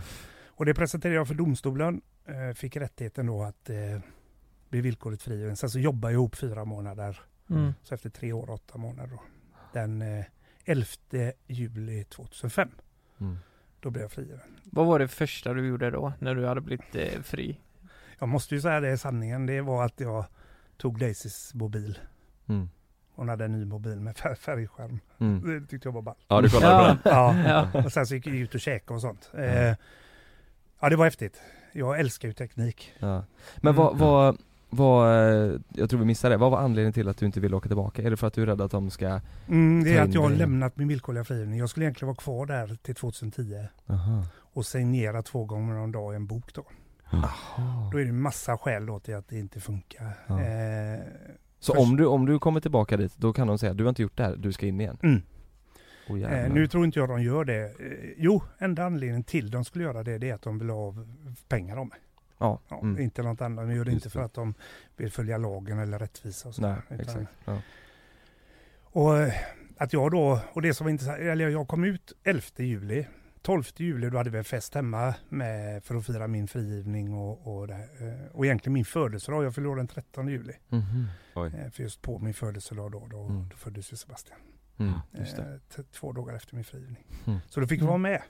Eh, Så ballt ju. Ja, riktigt häftigt. Och, Mm. och få vara med och vara med Daisy. Och, och Ja. Det fick jag tyvärr inte göra för min dotter. Nej. Hur lång tid tog det innan ni drog till Sverige då? Eller hur länge var Det du? gick ganska fort, ett halvår ungefär. Ja, okej. Eh, Och då flydde, du flydde alltså? Ja, Mm. fuska med u-landet. Ja. Eh, Var, var du nervös då? ja. Ja. Tio gånger nervösare än jag var när jag stod på, på Ja. eh, flygplatsen med de här väskorna. Ja, jag Oj. förstår det. Ja, för då helt plötsligt hade jag Stefan och Sebastian i armen liksom. Ja. Ja. Mm. Men de kan jag- inte göra någonting när du kommer till Sverige? De kan inte på något Nej, sätt säga jag har avtjänat min straff. Det är den villkoren jag har brutit då. Ja. Så hade jag rymt över muren och stuckit, då hade de säkert kunnat förhandlat för att jag skulle komma tillbaka. Ja. Men som jag avtjänat min straff så, så kan jag inte bli intagen i Sverige heller för att fortsätta. Eller, utan Nej. det är avtjänat. Ja. Men Mm. nu tog ni beslutet att, eh, alltså, ville Daisy åka till Sverige eller var det så här att ni, Nej, vi blir tvungna ska jag vilja säga. ja, Eh, jag kunde inte få tag i jobb som, Nej. som gav mig pengar. Eh, och, och någonting jag säger helt utan stolthet det är att min mammas pengar var slut. Hon hade ingenting kvar. Mm. Eh, det var så illa så att morsans pengar var slut redan efter två år på San Pedro. Eh, Hon skickade pengar till dig? Hela tiden. Ja. Eh, för utan pengar på det här stället så överlever du inte. Mm. Du köper din mat, du, det är inte, du får ingenting. Allt kostar? Ja. Allt kostar. Mm. När du lämnar fängelset så får du betala både vatten och el som du har förbrukat under de, den Mhm. tiden du har suttit. oj, Vad kostade det för dig? Ungefär? Ja, jag kommer inte riktigt ihåg. En 11 000 bolivianos eller någonting. Ja. Eh, Mm. Ja, det blir, jag menar, det tycker jag nästan vi skulle haft i Sverige också. Ja, det låter jättesjukt Ja. också att Ja, man, Men nu ska du tycker det- lämna fängelset, då ska du också betala. Ja, Ja, allt ska ja. betalas. Ja. Eh, och det, det, så jag hade inga pengar kvar. Och när morsans pengar tog slut efter två år så trodde hon och jag visste att utan pengar så dör du där inne. Mm. Eh, då gick min morbror bort eh, och tack vare arvet från sin bror så höll hon mig i liv ytterligare Mm. två år. Då. Ja. mm, okej. Jävligt pinsamt. Eh, och det, det mest pinsammaste av allt är ju att jag någon gång i den här historien också tyckt lite synd om mig själv. Mm. Eh, vilket är patetiskt på riktigt. Eh, Tycker jag verkligen. Eh, men så har det varit. Jag har själv, åh, det är så pinsamt. Jag kan knappt prata om det alltså. Nej. Det är riktigt pinsamt. Mm. Sen så var min dotter sjuk. Hon hade ett en, en hjärtproblem. Mm. Eh, behövde hjärt, operera hjärtat. Fångvård, sjukvård fungerar ungefär likadant i Bolivia. Har du gott om pengar så får du bra sjukvård. Mm. Eh, vi hade inga pengar. Eh, och vi fick erbjudanden om att eh, det var något läkarteam som skulle testa ett ny, nytt sätt att gå in via ljumsken och operera hjärtat. Och det Mhm. nej, kändes inte aktuellt. Nej. Oj. Så vi bestämde oss för att sticka då. Och Då hade jag lärt känna en kille som jobbar på Immigrationsverket i Bolivia inne på fängelset. Eh, så han fixade han fixade stämplar Mm. För en vecka framåt i mitt pass. Mm. Eh, så jag hade en vecka på mig att ta mig ur landet. Mm. Så det såg ut att jag hade lämnat den bolivianska gränsen en viss tidpunkt. Då. Mm. Mhm. Sen Tror du det hade varit svårare, eh, eller är det klart det hade varit svårare, men tror du det hade varit möjligt utan ha- hans hjälp? Nej, jag tror det har varit jättesvårt. För då hade de i Brasilien undrat vart kommer du ifrån liksom. Ja, för du, Ja. du flydde vi, Ja. från Brasilien hem. Precis samma väg som jag kom så tog jag mig därifrån. Ja. Mm. Eh, så vi åkte till Corumbá igen och där Ja. gick vi över gränsen då och tog den boli- eh, brasilianska stämpeln och då hade vi bolivianskt, brasilianskt. Då. Ja. Hur är din eh, relation till, till din eh, mamma idag? Morsan och jag är jättebra. Jättebra? Ja, Oh ja. ja skönt. Det är så roligt när vi pratar om det jag och morsan så det är knappt så någon av oss fattar att det har hänt liksom. Nej. Nej. Det är, Ja. det är precis som man pratar om någon annan. Mm. Mm. Och morsan har ju tagit, alltså i alla, så- i alla missbruk, i alla problem så är det ju alltid de, familjen som tar skadan. Eh, tyvärr så fattar man ju inte det som missbrukare. Nej. Men ja, men morsan, första halvåret så bara grät min morsa när hon ringde. Ja. Eller när jag ringde hem till dem. Det, Mm. Jag kunde inte prata med henne. Hon Nej. bröt ihop varje gång. Mm. Eh, ja, det var så jävla jobbigt. Mm. Mm. Som tur var då så hade jag min plastfarsa då som kunde kö- prata med mig. Ja. För annars hade jag Mm. inte kunnat ringt dem. Nej.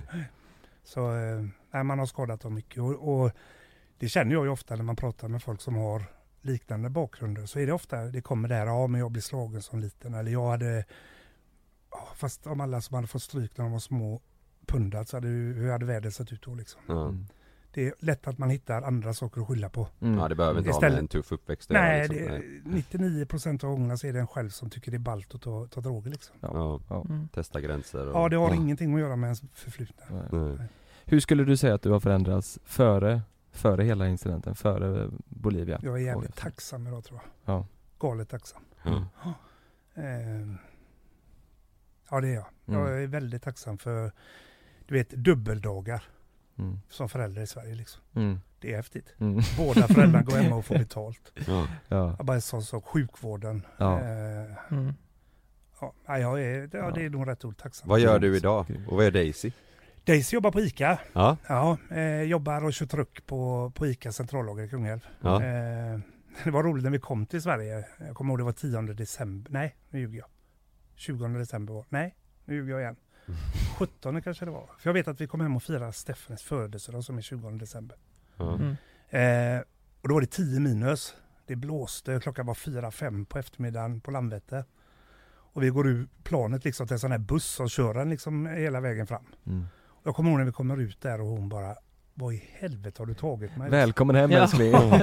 Det är liksom Sverige 5, det är kolsvart, det är, det är kallt, det blåser. Ja. Ja, nej hon... Eh, Vad, gillade hon inte i början? Vad nej, nej, hon kände, hon, vill, hon ville hem? första två månaderna tror inte hon gick ur huset. Nej. Nej. Nej. Satt med fötterna liksom mot kaminen och... och Ja, ja. Eh, Jag måste få fråga, på Ja. flyget till Göteborg, ja. Då var det ju massa andra svenskar såklart Jajamän. där på. Var det så här att eh, Ja, vad fan, vad har ni? Äh, semester, vad, vad har du gjort? Ja, nej. Ja. Ja, vi, vi, tog planet, eller vi bytte i, i Frankfurt. Ja, Så där eh, blev det ju liksom, helt plötsligt så var man ju i Europa. Så det ja. var ingen som undrade alls. Det var ingen som Eh, pratade så, nej, har ni haft det gött eller? Ja. Ja. Kul om Jonas det var- sig, luta tillbaka, jag ska berätta. Ja, ja, det, var, det var en sån mardrömsresa. För när vi kom till Brasilien där, återigen tack vare Daisy att hon har ett lugn. För du vet när vi kommer fram till gränsen där och ska få de brasilianska stämplarna då, man tänker ju svensk gränspolis liksom, det är, det är knappt man ser ett vapen men där är det liksom maskingevär. Mm. Mm. Det är ju, de slåss ju liksom mot narkotikakarteller liksom. Mm. Mm. Och, och jag står där, jag är så jävla nervös va. Och Daisy finner det lugnet liksom och lämnar fram passen och fixar stämplarna. Och jag hade inte löst det själv. Nej. Jag kommer ihåg att jag tog Stefan och liksom låtsaspekade på grejer att titta Mm. på. Ja. Jag kunde inte titta på polisen. Alltså. Nej. Och sen så tog vi då bussen från Corumba till São Paulo. 18 timmar, asen är sönder på bussen. Sitter med två barn, vi har bara två platser liksom. Och var tredje timme så kommer det på beväpnad polis liksom. Mm. Eh, stannar bussen, går på och vid varje stopp så tar de av mig från bussen. För de, de tror inte att det är mina barn. De tror att jag liksom har köpt barnen. Okej. Eh, Mhm. Och jag vet, jag, jag trodde ju nu, nu är det kört. För hade de bara gjort en check på mig liksom, så hade de ju sett att jag Ja. Mm. hade suttit i Bolivia. Då. Fy fan. Ja, det var jobbigt. Jag får ju stressmage bara jag hör Ja, det där. jag, alltså. nästan jag får själv nu också känner Ja. jag. Och så kommer vi till São Paulo och när vi då ska åka till flygplatsen, jag är så nervös för att för, för jag tänkte, vad händer? Jag vet ju inte vad som händer när de bara tar in mitt pass där. Om de slår på mig där, vad händer? Vad står det? Mm. Så det, eh, jag kommer ihåg att när vi kommer till flygplatsen så har jag stoppat in toapapper under armarna. Mm. Så att det ska se så att jag svettas liksom. Mm. Ja. Kommer det här stället så är det Europas jävla kö fram till passkontrollen. Och vi står där och helt plötsligt så kommer det två poliser gåendes mot oss i kön. Mm. Och jag säger till dig, så jag tar de mig nu så fortsätt res. Och Mm. hem till morsan, de tar emot dig liksom. Mm. Eh, och de kommer fram och så börjar de prata med dig som portugisiska. Du så kan hon prata portugisiska. Jag fattar ingenting.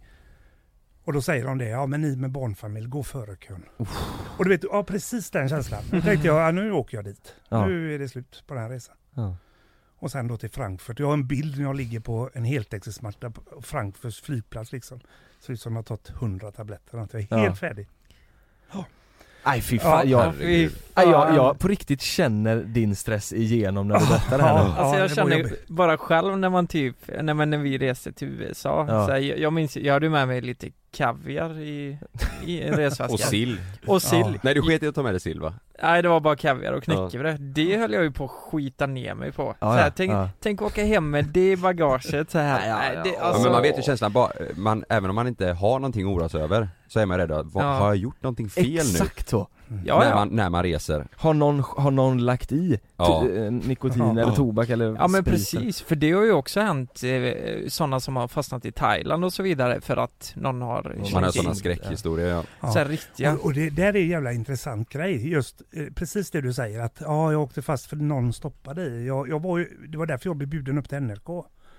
För jag skulle prata om, det var två norska tjejer som hade åkt fast med, med 21 kilo kokain. Herregud. Och då hade de åkt med 11 bägar där det var två kilo ungefär i varje bäg. Men det händer inte bara. Det är inte någon som bara, eh, vilken kokainhandlare i Bolivia skulle satsa på den businessen liksom. Jag stoppar i lite här och där och så hoppas på att det kommer ja, kommer det pengar någon gång. Men NRK det är Norges eh, Ja, SVT typ Ja, eller? precis. Ja. Och så när jag kommer dit så säger de, du får inte döma dem nu för de är inte dömda nu. Nej men vad gör jag här liksom? Nej, men vad fan. Vem tror att de inte har gjort det? 21 kilo? Ja, det är ju inte liksom, ja, jag går ut på stan och köper 21 Adidas-bägar, eller 10 Nej. Adidas-bägar och så är Mm. de preppade allihopa. Vet du vad som hände med dem? eh, Ja, de sitter ju garanterat. Ja. Ja. Det har jag glömt på rätt. Jag blir ju, jag blir ju fan anställd av ambassaden, eller konsulatet i Bolivia. Va? Jajamän, det var Oj. enda anledningen att de skulle frisläppa mig. Det var att jag skulle få jobb eh, eh, på konsulatet. Då tänkte jag, då sket det ju sig. De Ja. kommer ju aldrig ge mig jobb liksom. Så jag ringde till konsulatet och sa, ja du kan få bara städa här. Jaha. Ja, jag tänkte, schysst tänkte jag. Men så visade det sig att de hade ingen på det svenska konsulatet som kunde svenska. Mhm. Vilket också är underligt då. Ja. Ingen pratar engelska. Ingen som jobbar där? Nej, ingen Kunde- varken engelska eller svenska. Utan de pratade bara spanska. och då tänkte jag, vad gör ni med alla mejl som kommer från turister som sitter fast i Peru och så här? Ja. Vad, vad gör ni med dem? Bara dumpar de dem? eller? Google Translate Ja. Ja, Mm. så jag fick bli eh, traduktör heter det på, på spanska, eh, översättare. Ja. Och när jag är där så får jag ett samtal på stan och så säger de, du måste ta dig till narkotikahäktet. De har precis gripit en svensk tjej där uppe. Oj. Och jag åker upp där, precis där i det här rummet jag hade suttit i fyra dagar. Mm. Bara fyra år innan, eller fyra år innan det. Ja. Dit fick jag åka igen liksom. Jaha. Då satt en liten tjej där liksom. Oh. Och jag kommer så väl ihåg det första jag sa till henne på svenska. Du kommer inte överleva det här. Nej, det enda jag sa det var säg ingenting. Ja. För de bara kommer använda emot det. Ja. Mm. Eh, och sen så fick jag sitta där. Och då hon, jag besökte henne en gång i kvinnofängelset och jag tror hon fick hon var gravid. Typ eh, två, tre månader. Eh, Nej. så de tog hem henne till svenskt fängelse. Ja, du gjorde det? Ja, Ja. jag vet inte hur det har gått idag men Hon satte inte någonting i bo- bolivians? ja, ja, ett halvår kanske. Ja, Ja, mm. tre, fyra månader kanske. Men vad, herregud. vet du vad hon hade gjort eller sa hon hon det? hade eh, souvenirer med, med kokain i. Okej. Mm. Fullständigt medveten. Hon hade blivit skickad från sin pojkvän i Spanien. Fy fan. Hämta hem. Ja, herregud. Och nu svarar han inte konstigt nog. Nej, Ja. konstigt ja. Mm, bra pojkvän. Ja, precis. Och herre jävlar Ja. vilken, vilken jävla podd vi har. Mm. Det, Mm. det här är ju den längsta podden vi någonsin haft. Ja vilken historia, det är helt, Ja. helt Ja, det är helt galet. Vi pratade lite om också, du, du berättade att du hade eh, kort, bilder eh, Jajamän. hemma hos dig Mm. med, från, inifrån fängelset. Massa. Nej det är, Oj. ja herregud. Mm. Man skulle nästan gjort en eh, tv-dokumentär om det där vi får. Vi kanske ska göra ett klipp om det. Vi åker he- dit. vi åker till, hem till eh, Jonas Andersson och kollar på dina bilder. Det får ni gärna göra. Ja. Jag trodde du menar nu, vi ska göra en dokumentär om det och åka till Bolivia. Nej det hade jag aldrig, aldrig vågat. Här, Vi kommer in jag- med våran kamera med Edvin. Ja. Filma detta Edvin. Nej men Kan i- inte åka drönaren. det Ja. finns inte en chans efter den här historien. Nej, jag skulle aldrig, aldrig. våga åka till Bolivia. Sätt en, nej, finns inte en chans. Harry Potter kan åka dit.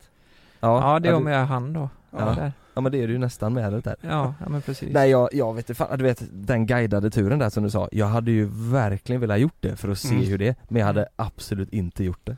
Om ni söker på Youtube eh, San Pedro Prison så finns det guidade turer där som är filmade.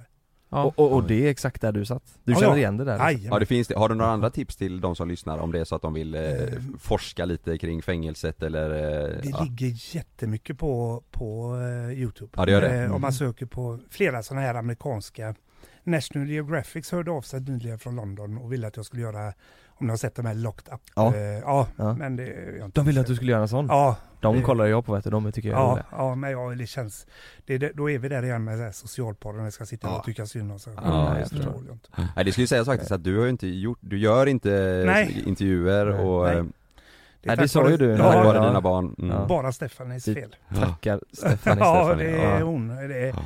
Hon kom hem och bara var helt galen att de här JLC var, hade letat efter mig. Ja. Ja, vi, var, vi, var, vi var ju besatta där, vi trodde inte, vi, fan, vi, vi bestämde säkert för ett halvår sedan att någon Mm. gång så ska vi ha dig med i podden. Mm. Alltså det. Fick vi vi, det? det första vi skrev när vi kom till kontoret här på tavlan, det Mm. var ju El El Choco. Choco. Ja. Ja. Stod inte det kvar förresten? Jo, jo, men Ja det gjorde det ja. Ja, det var därför jag Mm. tänkte att jag kunde spoila lite. ja just det. Ja. Ja. Ja det är den, ja. Nej jag tycker det här har varit en Mm. riktigt, riktigt grym podd. Ja den här Ja. tiden har bara flugit iväg. Ja, Mm. verkligen. Du ska ha Skoj. Världens största Tack tack, att du ville vara med. Mm. Ja. Och din bok får vi säga också, finns ju att fortfarande att köpa om man vill läsa den. Ja. Mm. El Choco som sagt. El Choco. Den är grym. Ja. Ja grymt. grymt. Tack så jättemycket för att du lyssnade. Tack Jonas för att du kom hit. Tusen tack själva. Så Nu får ni ge autografer till mina barn. Ja, Det ska vi absolut göra.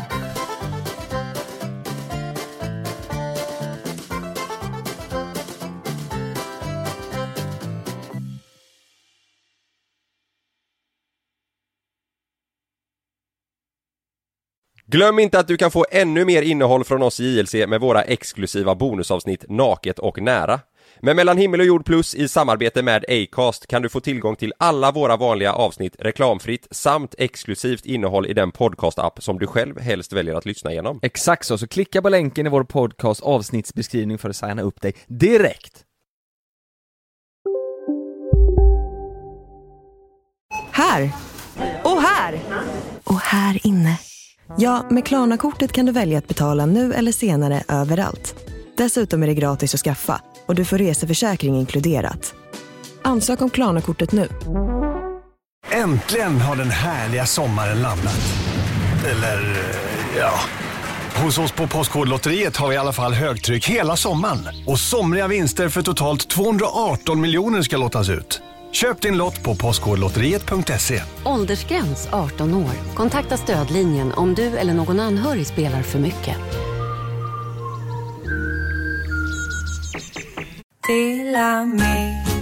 Hej! Är du en av dem som tycker om att dela saker med andra? Då kommer dina öron att gilla det här. Hos Telenor kan man dela mobilabonnemang. Ju fler ni är, desto billigare blir det. Skaffa Telenor familj med upp till sju extra användare. Välkommen till någon av Telenors butiker eller telenor.se.